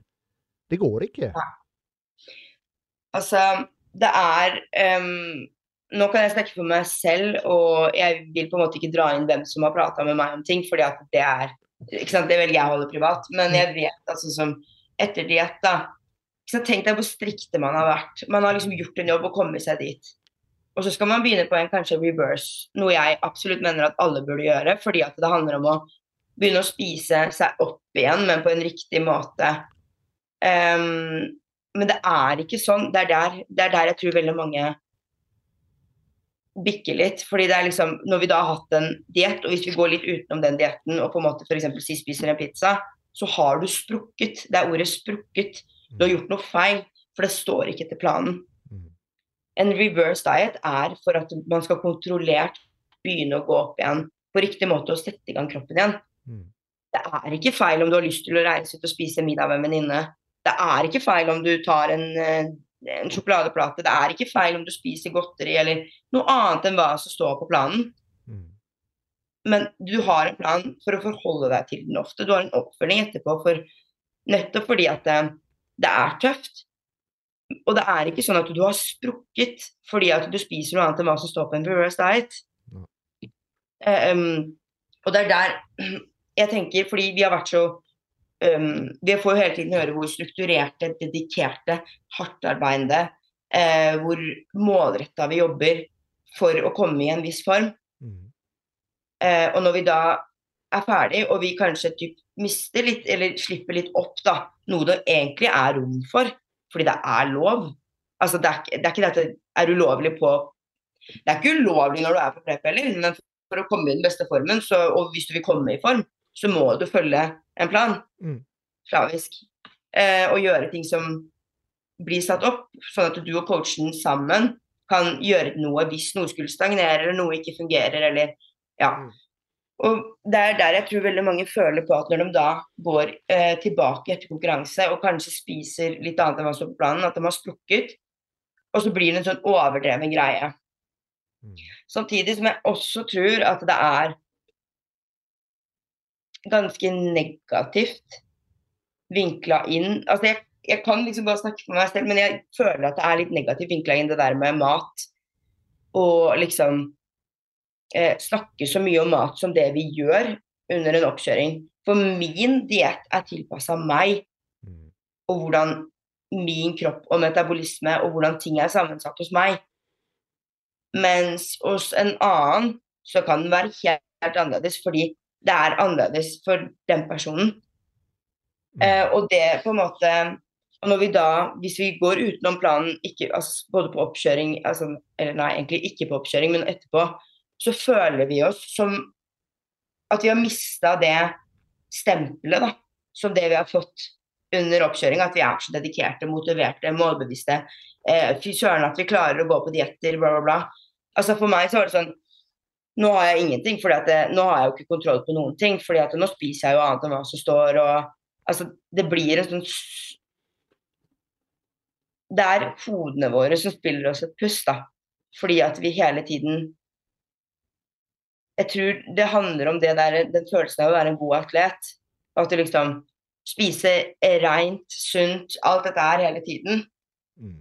Um, altså, jeg, jeg, vet, jeg vet liksom ikke helt. Ja. Nei, eh, det ligger veldig mye i det. Og jeg, jeg personlig kan få Eller har- har egentlig alltid fått etter rett etter konkurranse. Det er som du sier da, ikke sant. Man er kjempestrukturert. Dagene er sånn bam, bam, bam i tre-fire måneder, og du jobber beinhardt for å komme i den formen. Og så står Ja. du på scenen, og så bare sånn, så er du ferdig. Ja. Og jeg personlig, da pleier å få den følelsen. OK, hva nå? Det er liksom Alt det du jobber for, det er bare borte sånn. Mm. Så jeg Det er det, det, det det jeg tror at, at mange på en måte ikke lenger, lenger har hva skal jeg si, et, et spesifikt mål, da. ja. Å, jobbe mot, på en måte. At Men casen er Hvis man ofte ikke kan glede seg over det man gjør i den prosessen og tiden etterpå, mm, kanskje det ligger noe mer der, da. Ligger det noe mer ja, der? ja, ja, Er det noe mer som ligger der? Fordi ofte Altså, hvorfor skal man ikke være glad? Altså, de fleste som Noen stiller jo for å stille en gang og liksom ha opplevd det og gjort det, liksom. Mens andre på en måte Dette her er idretten for meg. Mm. Og for mitt vedkommende, dette her er idretten for meg. Jeg Mm. elsker det. Jeg elsker det jeg gjør. Mm. Men Men når jeg da på en måte ikke klarte klarer å glede meg over ting etterpå, Mm, så er det sånn hva, Hvorfor? Fordi sånn som nå, da, jeg kan si sånn som nå, så er jeg jo der liksom OK, jeg er i en god offseason, jeg har gått opp i vekt, jeg veier Ja, veier nok. Altså jeg på en måte har energi på trening, og selvfølgelig har kroppen min endra seg. Jeg har ikke 5,2 i fettprosent lenger, liksom. mm, Eh, og det er litt sånn kroppsbildefokus som ja, en bygge... Altså man er, hvis man driver med dette fast, så handler det om at det er en prosess hele veien. Mm. Ikke sant? Når du skal i en offseason, Mm. så handler det om å gå opp riktig og over tid, på en måte, og bygge muskulatur i veien. Altså i prosessen. Altså, ja, i hvert Mm. fall. Og sånn som uh, det er i Altså den sceneformen, det er ingen som ser ut sånn som de ser ut på scenen året rundt. Uh, og jeg òg var jo der at jeg hadde lyst til å på en måte holde formen lenge etterpå. og uh, tenkte liksom Jeg hadde lyst til å reise og ta flere konkurranser. Jeg hadde lyst til å på en måte Kanskje jeg skulle ta høsten igjen. Altså, det Mm. var Selv om jeg visste at jeg hadde jo ikke kontroll på en ting. Jeg hadde jo ikke kontroll på noe. Fordi at jeg ikke håndterte noen ting. Så det er litt sånn Jeg blir litt sånn Jeg tror at hvis man ikke klarer å glede seg over det man gjør, så er det kanskje noe annet. Altså Du har valgt et idrett hvor fokuset ditt er så inn i ting.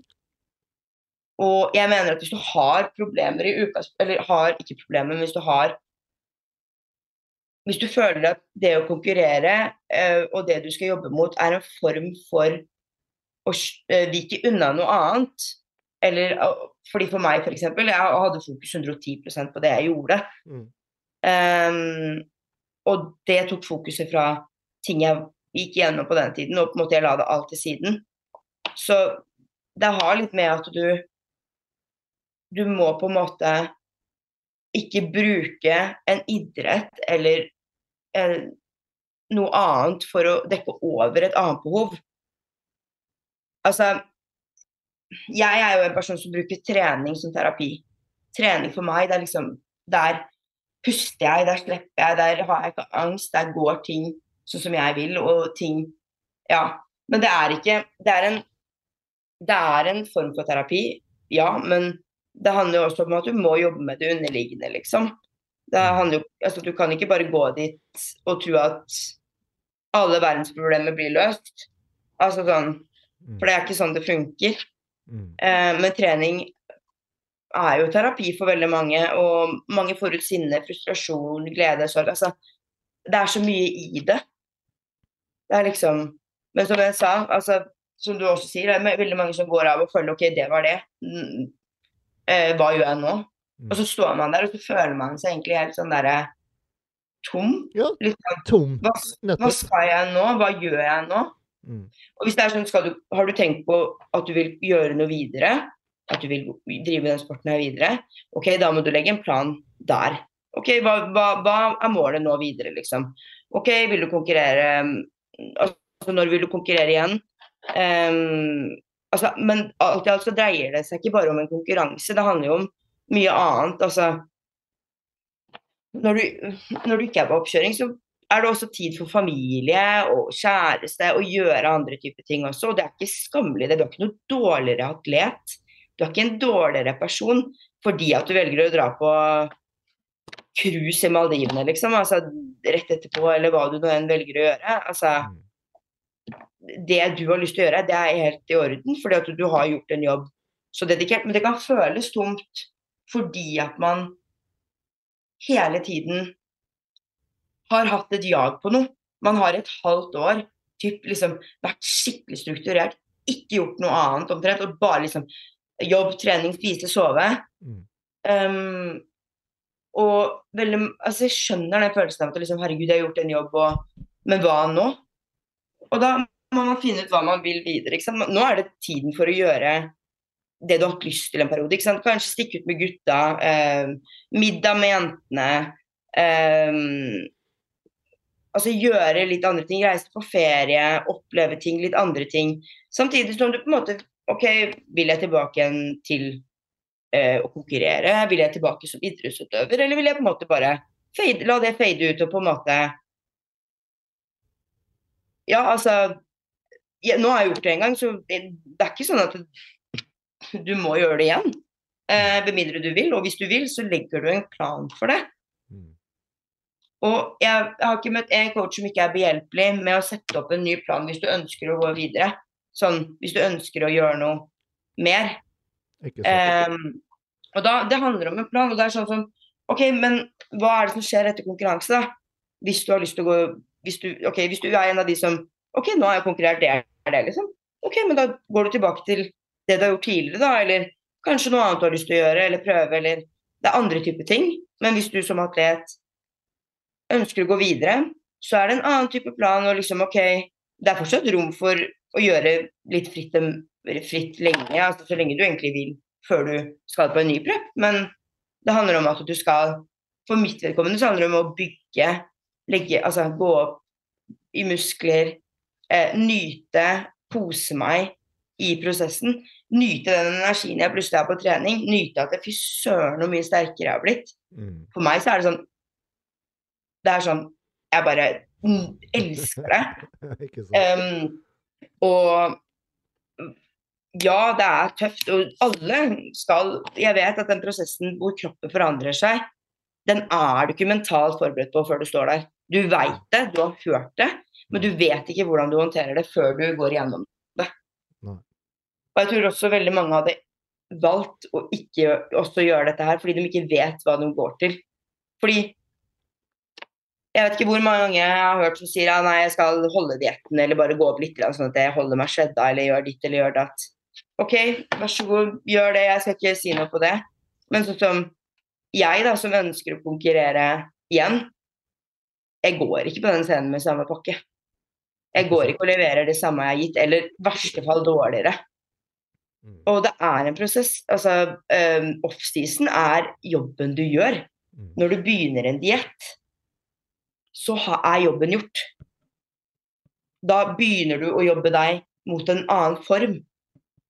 Men du må sette en standard før du begynner på en diett.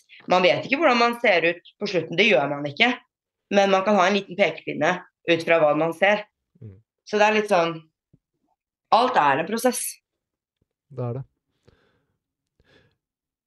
Du har, jo, du har jo som sagt eh, Det er jo en, noen som har kontaktet deg og fortalt om at de har slitt etter konkurranse. Er det, er det mange som sliter etter konkurranse? Hva tror du? Eller hva vet du?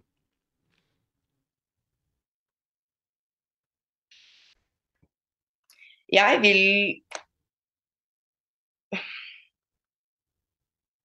Jeg vil vel si at over halvparten mm. sliter. Ja, det er det jeg tror også, skjønner du. Ja. Uh, og det handler ikke og jeg, jeg har veldig lyst til å bare få fram at det handler ikke om idretten i seg selv. Fordi veldig mange er sånn ja, men det er ikke så rart at dere driver med fitness, det er så mye fokus på kropp og utseende og ditt og datten. Mm. Og jeg vil bare få inn, folkens, åpne opp øynene dine. Vi har spiseforstyrrelser i alle typer idrett vi driver med. Om det er langrenn, boksing, hopp, um, altså dansing. Altså det kan være Det er så mye hvor det er en, en eller annen form for type um, ting i bakhånd uh, som på en måte ligger, og, ligger der. Så, altså, det, har ikke, det, har ikke, noe med Selvfølgelig det kan ha noe med um, at um, det, kan ha noe, det kan være vanskelig, den prosessen etterpå. Og den er vanskelig fordi kroppen endrer seg og ja, Man kan få kommentarer. Det er tøft. Ja, det er, det er drittøft. Og fordi man forventer ikke altså Man er ikke mentalt forberedt på hva som kommer etter en konkurranse. Um, men sånn er det uansett hva du driver med. Si f.eks. hvis du har sittet og studert til en eksamen over lang tid. Når du er ferdig med den, du kan gå med samme følelse som det vi går etter punkt, at du føler deg tom. Mm. OK, hva nå? Hva, hva, skal jeg gå? Ikke sant? Så det er ofte litt underliggende ting som gjør at det, det kan føles verre, og at folk håndterer det ulikt. Og jeg vil også på en måte normalgjøre. Det er ikke uvanlig å spise de sjuke mengder med mat rett etterpå. og liksom ha den derre den der, Man har ikke den metthetsfølelsen fordi man Nei. hele tiden har gått og på en måte sulta seg. Men jeg syns også det er viktig å få fram altså Det er bra at man prater sammen om det, men ikke hype hverandre opp heller. Ikke liksom si ikke gå liksom Jeg føler at det har vært litt sånn at man hyper hverandre litt opp på det. Ja, men det er normalt, og herregud, jeg gjør jo det, jeg jo. Liksom, ikke hype hverandre opp, men bare si liksom Ja, men vet du hva, det er en del av prosessen, liksom. Altså, det er ikke unormalt, og det vil kontrollere seg. Det vil stabilisere seg. Og bare la det være litt sånn som det er nå, til det stagnerer. For det er ingen skam. Det er helt greit. Det er helt lov. Det er helt Det er liksom Det er ikke noe galt i å spise mat. Og den derre fråtsegreiene som folk driver med etter punkt, det er ikke unormalt, det heller. Og det vil ikke si at du er sjuk, men du bør begynne å kontrollere det hvis det begynner å gå på vice versa av andre ting. Mm. Altså hvis det begynner å gå på det sosiale og alt mulig annet. Altså, ja. Og ja, som sagt så tror jeg mye handler om at vi presterer på et så jæsklig høyt nivå for oss selv. Altså vi, vi skal liksom Vi går på den scenen og viser hva vi har jobba for, hvert enkelt individ, for å oppnå det vi vil. Og når vi da på en måte Sånn som jeg, da, når jeg går inn offseason, og ikke er like shredda og ikke like markert og like tydelig og alt mulig sånn, og får kommentarer på at det liksom Ja, nå ser du bedre ut, eller eh, nå, nå har du gått opp, eller eh, eh, Ja, nå har du lagt på deg litt, liksom. Ja, jeg har lagt meg. Nå håndterer jeg det, nå bryr jeg meg ikke. Nå kan folk si hva de vil. Ja, jeg syns det er unødvendig med kommentarer, men sånne, Ja. sånne type kommentarer, Mm. når du, når du ikke kjenner meg godt, liksom. Mm. Um, så det er, det er dritvanskelig, det der med kroppsforandringa og det der å la det skje på en måte. La det skje. Du, du kan ikke forberede deg godt nok på det. Men alle må bare vite at det du ser på scenen, og det man presterer der, det er en form man leverer på scenen. Det er ikke noe man går rundt med året rundt. Det, det Ja. Ja, nei, det er nettopp det. Uh, men kan det være sånn at uh, Eller hva, hva er din teori? Du sier at, at, at fitnessen ofte, eller ikke er en direkte årsak til en eventuell spiseforstyrrelse. Men det jeg tenker da, som vi har snakket om, da, at du går jo på dietten, ikke sant? Og kom, om du er i, i, i ordentlig god form når du stiller, da har du vært sulten. Da er du sulten omtrent døgnet rundt, ikke sant? Mm. Men kan det må, må, må, det være en underliggende årsak til at man eventuelt begynner å overspise etter konkurranse, eller, eller tror du at dieten dietten Mm. i seg hos noen kan, kan faktisk skape en form for spiseforstyrrelse? Uh, ja. Det der er litt sånn tricky spørsmål, fordi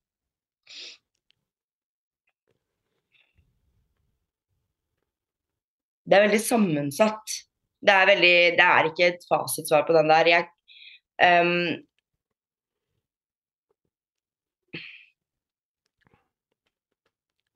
jeg tror ikke jeg kan si at jeg har møtt noen som har sagt at det er um, idretten som har gjort dem syk.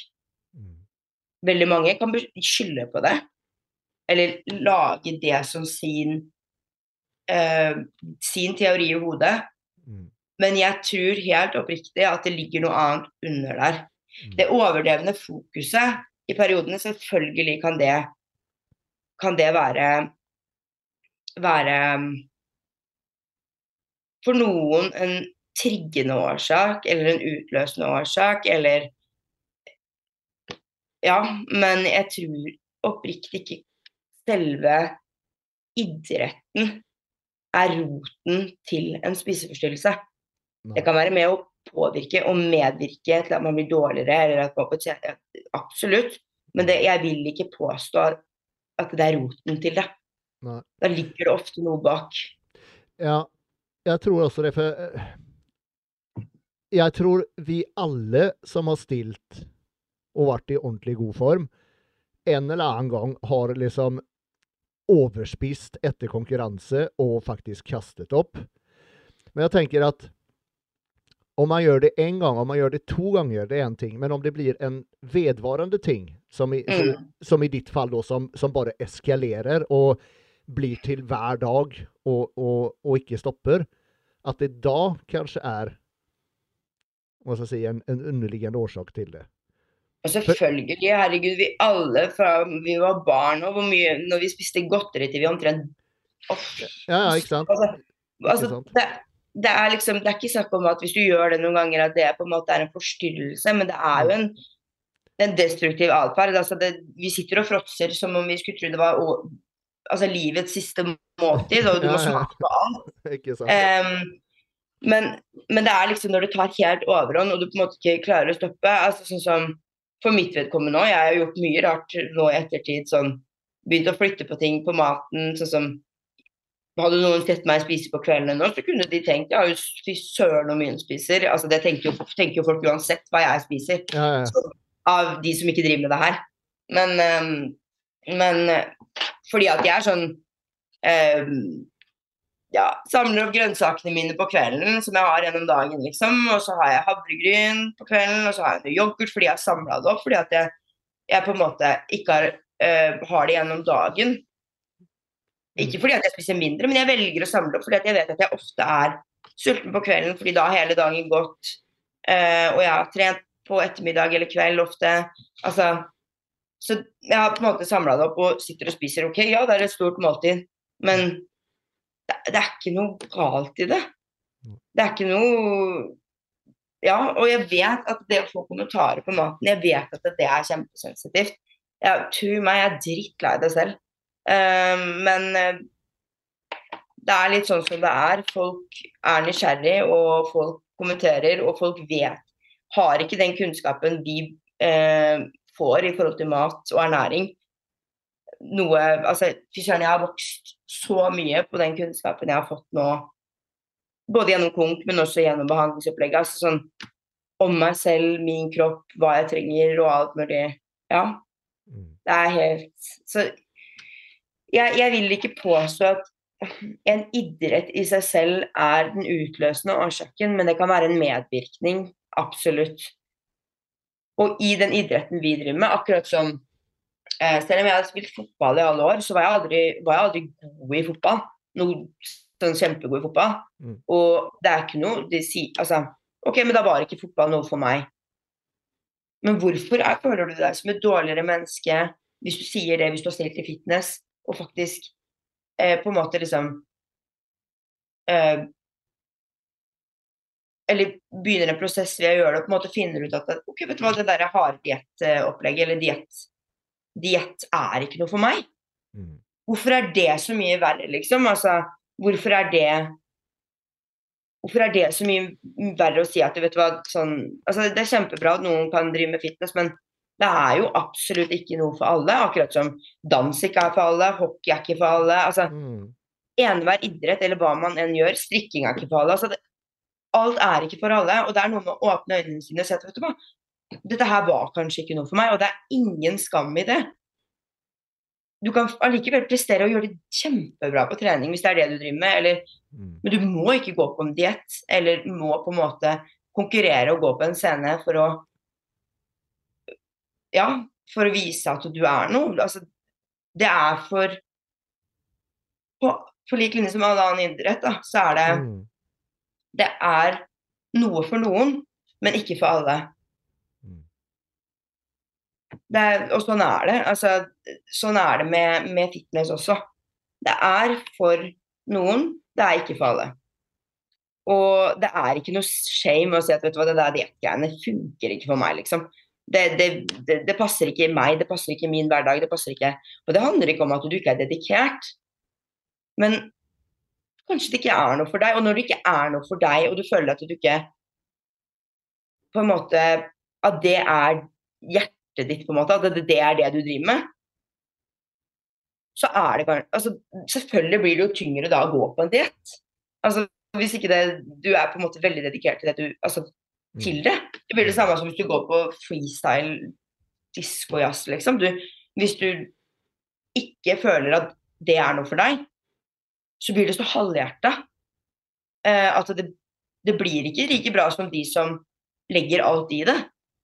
Og det er ingen shame, det. Det, det, er, altså, det er, så mm. viktig da, å få fram at det absolutt ikke er for alle, på lik linje som alt annet. Mm. Akkurat som jobb. Har du jobba på sykehjem i ti år, um, og så vil du prøve noe annet, og så finner du ut at det andre du prøver, sier hjemmetjenesten, ikke er noe for deg. Det er ikke noe skam, det. Så hvorfor er det så skam å på en måte si at uh, fitnessen Altså, det ikke er noe for deg å drive med den type idrett, da? Jeg føler at det er nesten vanskelig for folk å si det. Mm. Fordi at de føler de bare må prestere og prestere og prestere. og prestere. Mm. Men sånn er det jo all idrett. Man vil jo gjerne prestere. Men da må det være noe man føler er riktig for seg. Du skal ikke gjøre noe som ikke føles riktig. Nei, nettopp. Nettopp. Det ligger mye i det. Er det La oss si vi har en, en, eh, en person nå som, eh, som går på diett og skal jeg stille til våren. Mm. Uh, og i ettertid nå, eller Er det noen sånne varselsignaler som kan komme underveis? Som, så, som kanskje kan fortelle at OK, jeg må være veldig forsiktig etter konkurranse, så at ikke jeg på en måte detter dit da, og, og, og kanskje i verste fall utvikler en form for spiseforstyrrelse. Er det noe man, noen tiltak man kan gjøre? Eller noen ting man kan se tidlig at OK, kanskje jeg er i faresonen? Altså, jeg tenker at hvis du får på en måte utdelt um, Det er litt vanskelig å si, fordi at det, um, ting er veldig ulikt for alle og føles ulikt for alle. Um, men visse pekepinner kan være at du på en måte Altså, i prosessen ikke har noe glede av det. Du gjør det for noe da, Du har ikke noe glede av det du gjør. Ja, det er, det er tøft å være på diett, og man kan gå sulten og det ene andre, men hvis det blir en sånn overekstrem tankegang på alt mulig, at du liksom blir helt, helt låst til ting um, og liksom ikke kan gjøre noe annet, du Altså, på slutten av en diett så er man sliten fordi kroppen har Da hater, seg, da hater man livet uansett. Og da, det er en annen case. På slutten da kan man på en måte ikke se så mye på ting.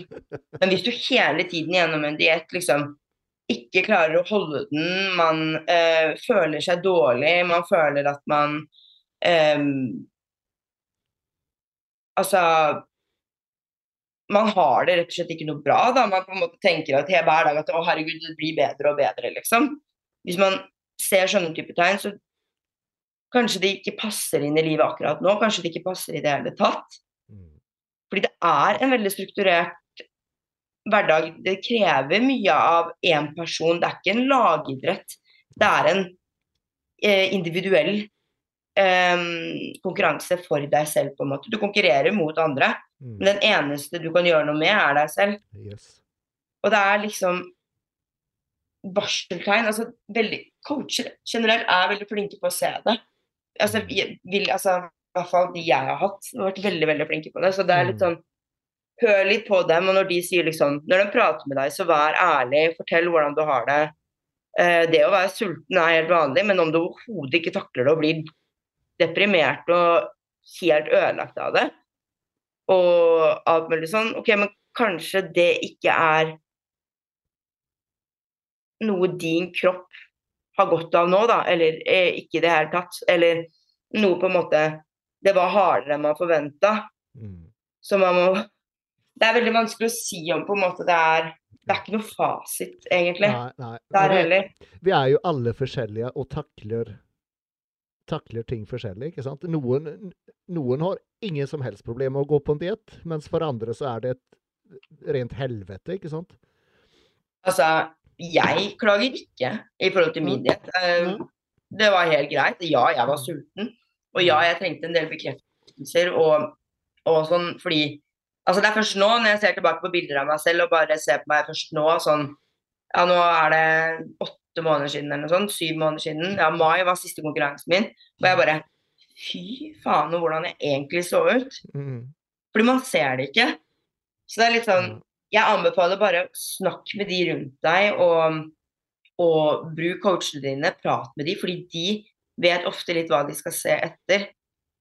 Eh, Det er ikke uvanlig å ha en sprekk eller to på diett heller, liksom. Det er ikke, du er ikke en dårlig atlet av den grunn. Altså, du er ikke noe, selv om noen ikke sprekker, Um, så er det Du er ikke noe dårligere atlet for det. Du er ikke noe Du er ikke mislykka. Du er ikke Det har ikke noe med det å gjøre i det hele tatt. Mm. Men man må virkelig se an om dette er noe for en, altså den type idretten. Mm. Uh, fordi, som jeg sa i stad, all, all idrett er ikke for alle. Nei. Uh, Nei. det er helt sant. Det er helt sant. Veien videre for deg nå? Du, du jobber med deg selv, skjønner jeg. Eh, Ser du for deg å konkurrere igjen? uh, ja. Det gjør jeg. Og det, det skal jeg òg. Men eh, Har du satt noen, eh, noen, noen konkurranser i sikte, eller har du sagt at da, da skal jeg stille, eller eh, lar du bare tiden vise når, når det blir eventuelt? Um, jeg hadde og har prata med noen om det. Mm. Men så var jeg i en samtale i går, og, og ja, um, et par samtaler i går hvor jeg på en måte Det gikk opp et lite lys for meg, liksom. At eh, jeg går ikke på den scenen før jeg veit at jeg på en måte har gjort jobben med min altså måte å, å håndtere følelser på. Mm. Fordi eh, fokuset mitt, altså det at jeg har fokus på ting, det skal ikke være grunnen eh, til at jeg holder meg oppe. Mm. Men at jeg klarer å håndtere håndtere situasjoner eller håndtere følelsene mine, det skal være grunnen til at jeg klarer å gjøre det jeg gjør. Mm. Eh, Så min vei videre er Jeg fortsetter jo altså Selvfølgelig, jeg må jo fortsette i, i samtalebehandling hos, for å på en måte jobbe litt mer i forhold til følelser, men det er mye jobb som er gjort. Uh, og det, men det er fortsatt litt igjen, og jeg vil Jeg vil være på en bedre plass når jeg kommer tilbake. Altså, jeg er på en bedre plass allerede, Mm. men det handler ikke om å stå på scenen fortest mulig.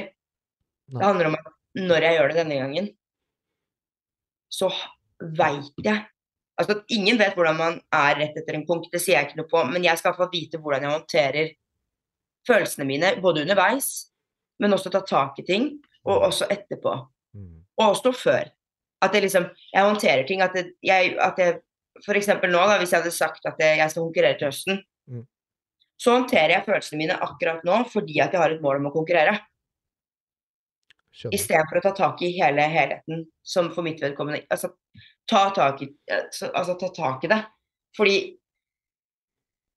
mm, Altså at man har en annen form for sprekk eller knekk etter en konkurranse når man er så sliten, det er ikke uvanlig, liksom. Det, det er helt vanlig, og det, det er ikke Altså, sånn er det for veldig mange.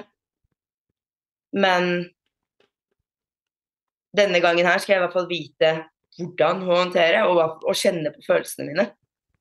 Um, og det å skulle jobbe med det, det er ikke gjort på Det er ikke gjort på et sekund, og i hvert fall ikke når du ikke har hatt det med deg gjennom livet ditt, hvor du ikke har vært flink på å håndtere følelser. Du har vært flink til å snakke om dem, du har ikke vært flink til å ta tak i dem. Du har liksom gjort andre ting for å vike unna hva du egentlig føler Mm.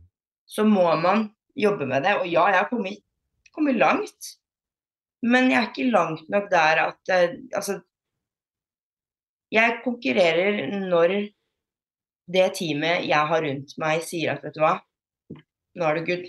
Og det er ikke bare snakk om det, Da er det snakk om søsteren min, det er snakk om eh, legen min, det er snakk om psykologen min, det er snakk om Mm. uh, selvfølgelig coacher. Altså, og samtidig så vet jeg jo det at Selvfølgelig, jeg, jeg kan si det, jeg hadde lyst til å konkurrere nå til høsten. Mm. Fordi jeg har gjort en jobb, og jeg um, har gått opp i vekt, jeg har lagt meg muskelmasse. Så jeg har liksom gjort en jobb.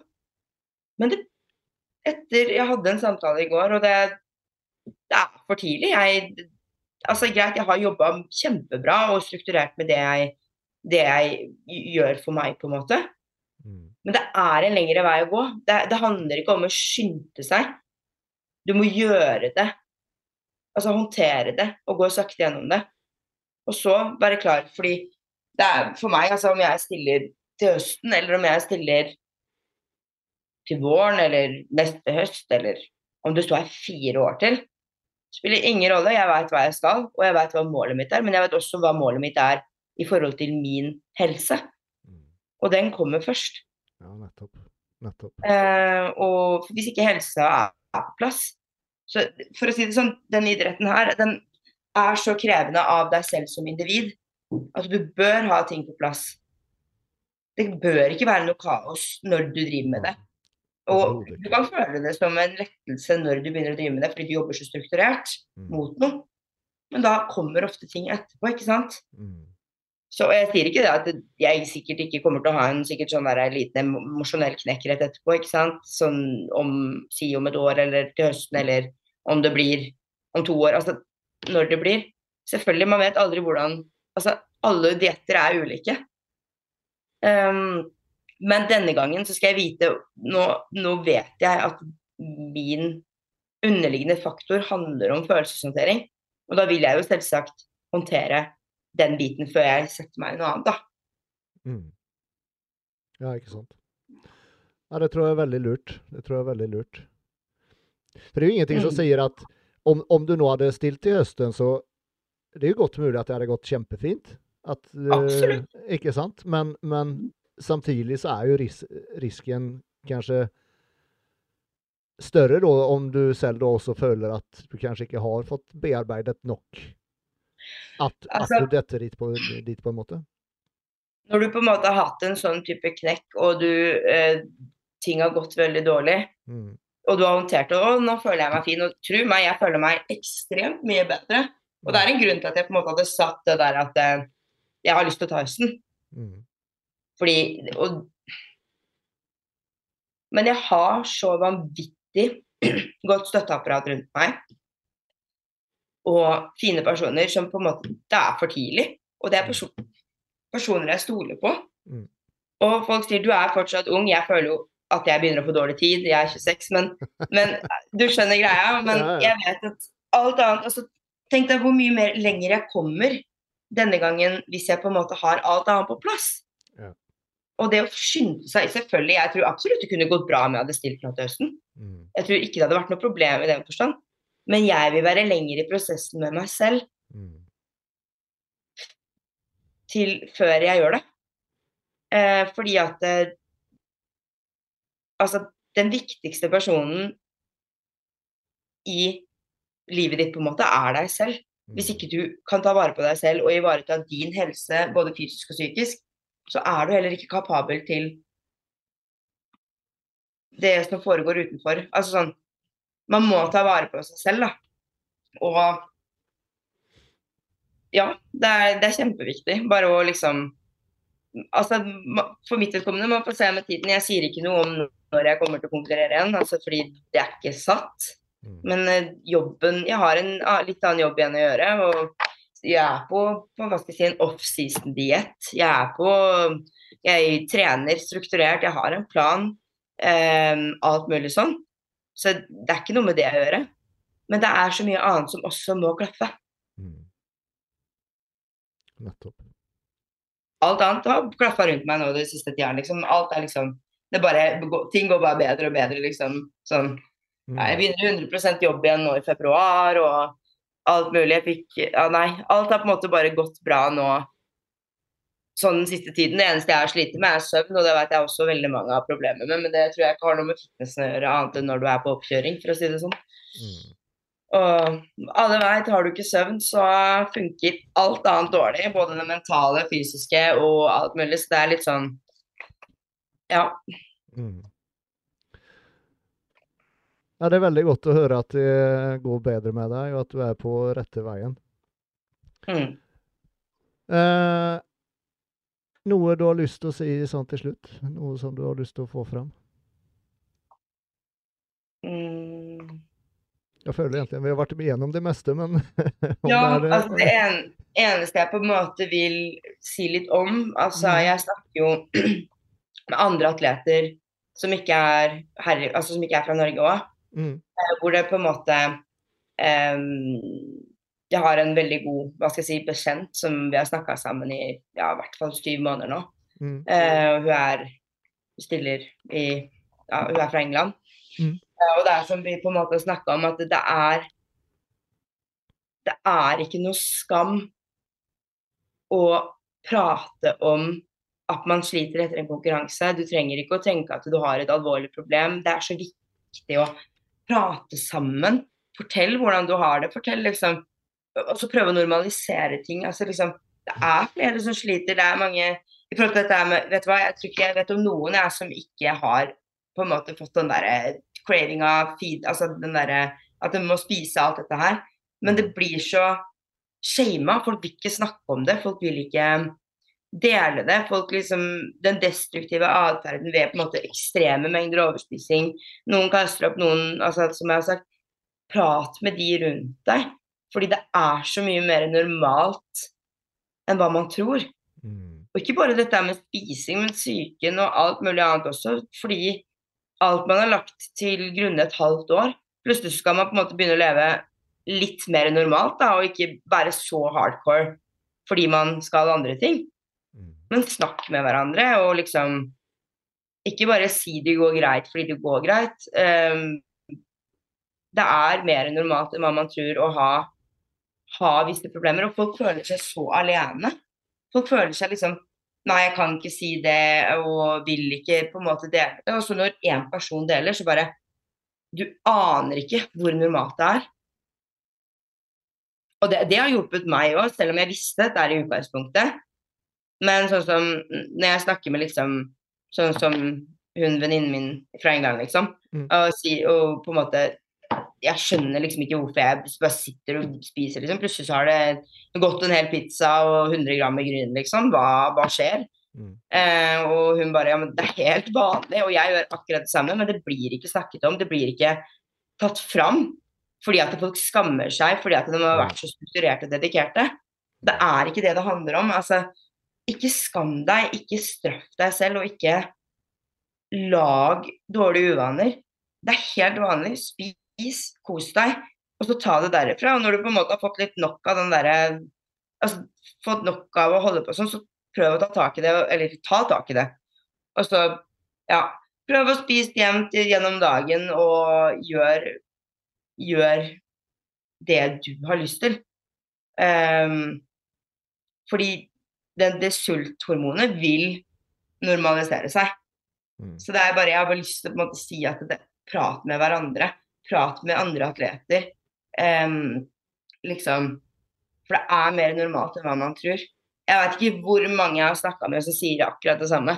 Mm. Uh, at det liksom Jeg har ikke turt å si det, eller jeg har ikke lyst til å si det, eller man føler man blir dømt fordi man gjør det. Men det er ikke sånn i det hele tatt. Det er helt vanlig. Mm. Det er Og det kan være andre ting man sliter med også, men snakk med de rundt deg. Ja, det er kjempe... Ja.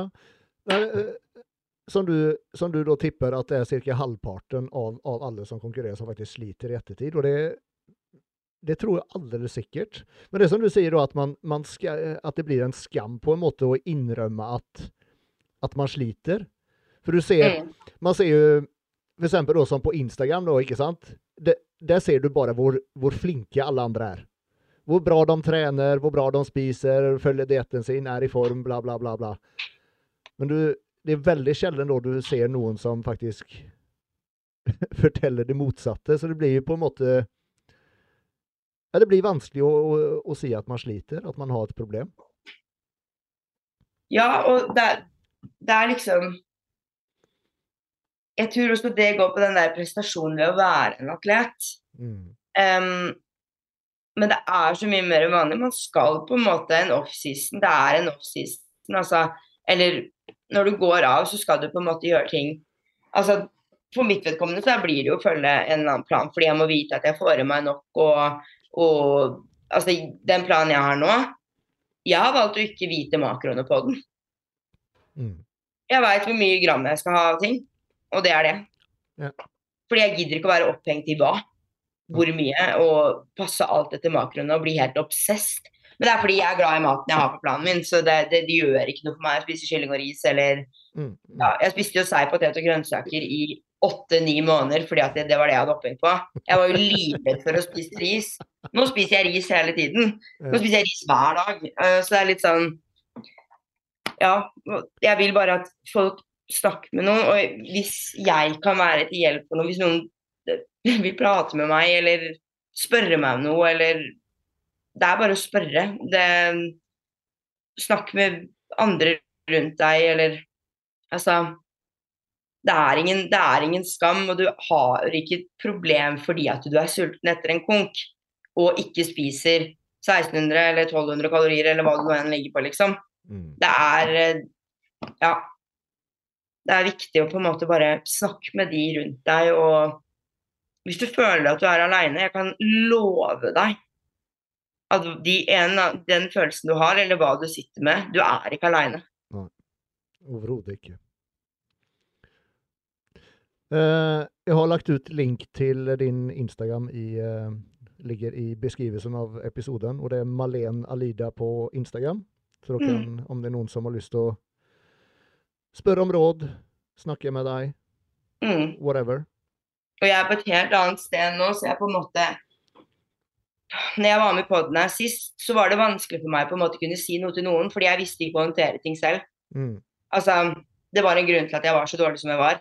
Mm. Men nå er jeg på et helt annet sted og har mye mer kunnskap rundt dette her på en annen måte. Og de jeg har prata med, som jeg sier at det ikke straff dere selv, på en måte. Altså, hallo. Mm. Det er helt greit. Altså Og når man føler man har mista kontroll, ta tak i det og på en måte snakke med noen, i hvert fall. Det er det viktigste. Mm. Og hvis noen har lyst til å snakke med meg, så snakk med meg hvis du vil, eller send meg en melding. Altså, det trenger ikke å være noe Det kan bare Hei, jeg jeg sliter, liksom. Altså, jeg har jeg overspiser, eller jeg spiser ikke, eller Eller eh, jeg er livredd for det, eller livredd for det, eller eh, Hva skjer hvis jeg gjør det? Altså, dere kan spørre meg. Eh, dere kan snakke med meg. Jeg Hvis jeg kan bistå, så gjør jeg det gjerne. Og det er derfor jeg også har valgt å være med og snakke om dette her med Mm. dere, altså Mm. på poden her. Mm. Um, ja. Ja, det er et veldig viktig tema, og det er jo noe som hele tiden er aktuelt, ikke sant? ja. Ja, men supert. Tusen hjertelig takk for at du hadde lyst til å være med igjen og, og dele dette, som er eh, Det er jo tross alt veldig personlig. Det er jo noe Ja. Mm. Setter veldig pris på det, Malena Lida. Og takk for at jeg fikk eh, være med og ja, dele. Mm. Vi, eh, vi holder jo kontakten framover. Mm. Så vi kommer eh, uten tvil se deg igjen her på podden. Kanskje med Gymbros neste gang. Vi får se. Mm. Ja, men supert. Du får ha en eh, riktig god helg videre. Jo, takk. Og god helg til alle sammen, og god helg til deg. Snakkes vi. Bare heng kvar litt, så skal jeg bare avslutte her. Ja. Eh, vi er tilbake neste fredag med Gymbros. Ha det godt til den gang.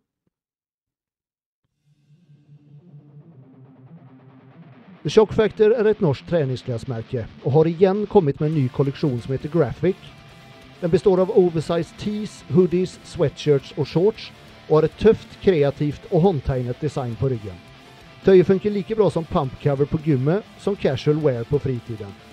Og om du bruker kode GYMBROS så får du 10% avslag på prisen. I tillegg har de også sin utvidede performance-kolleksjon med både dame- og herretøy, samt oversized og lifestyle-kolleksjonene. Så om du er ute etter treningstøy med høy kvalitet og tøff design, som er deilig å ha på seg og som sitter som det skal, så bør du ta en tur innom theshockfactor.com, der du kan bruke kode GYMBROS for 10% avslag på prisen.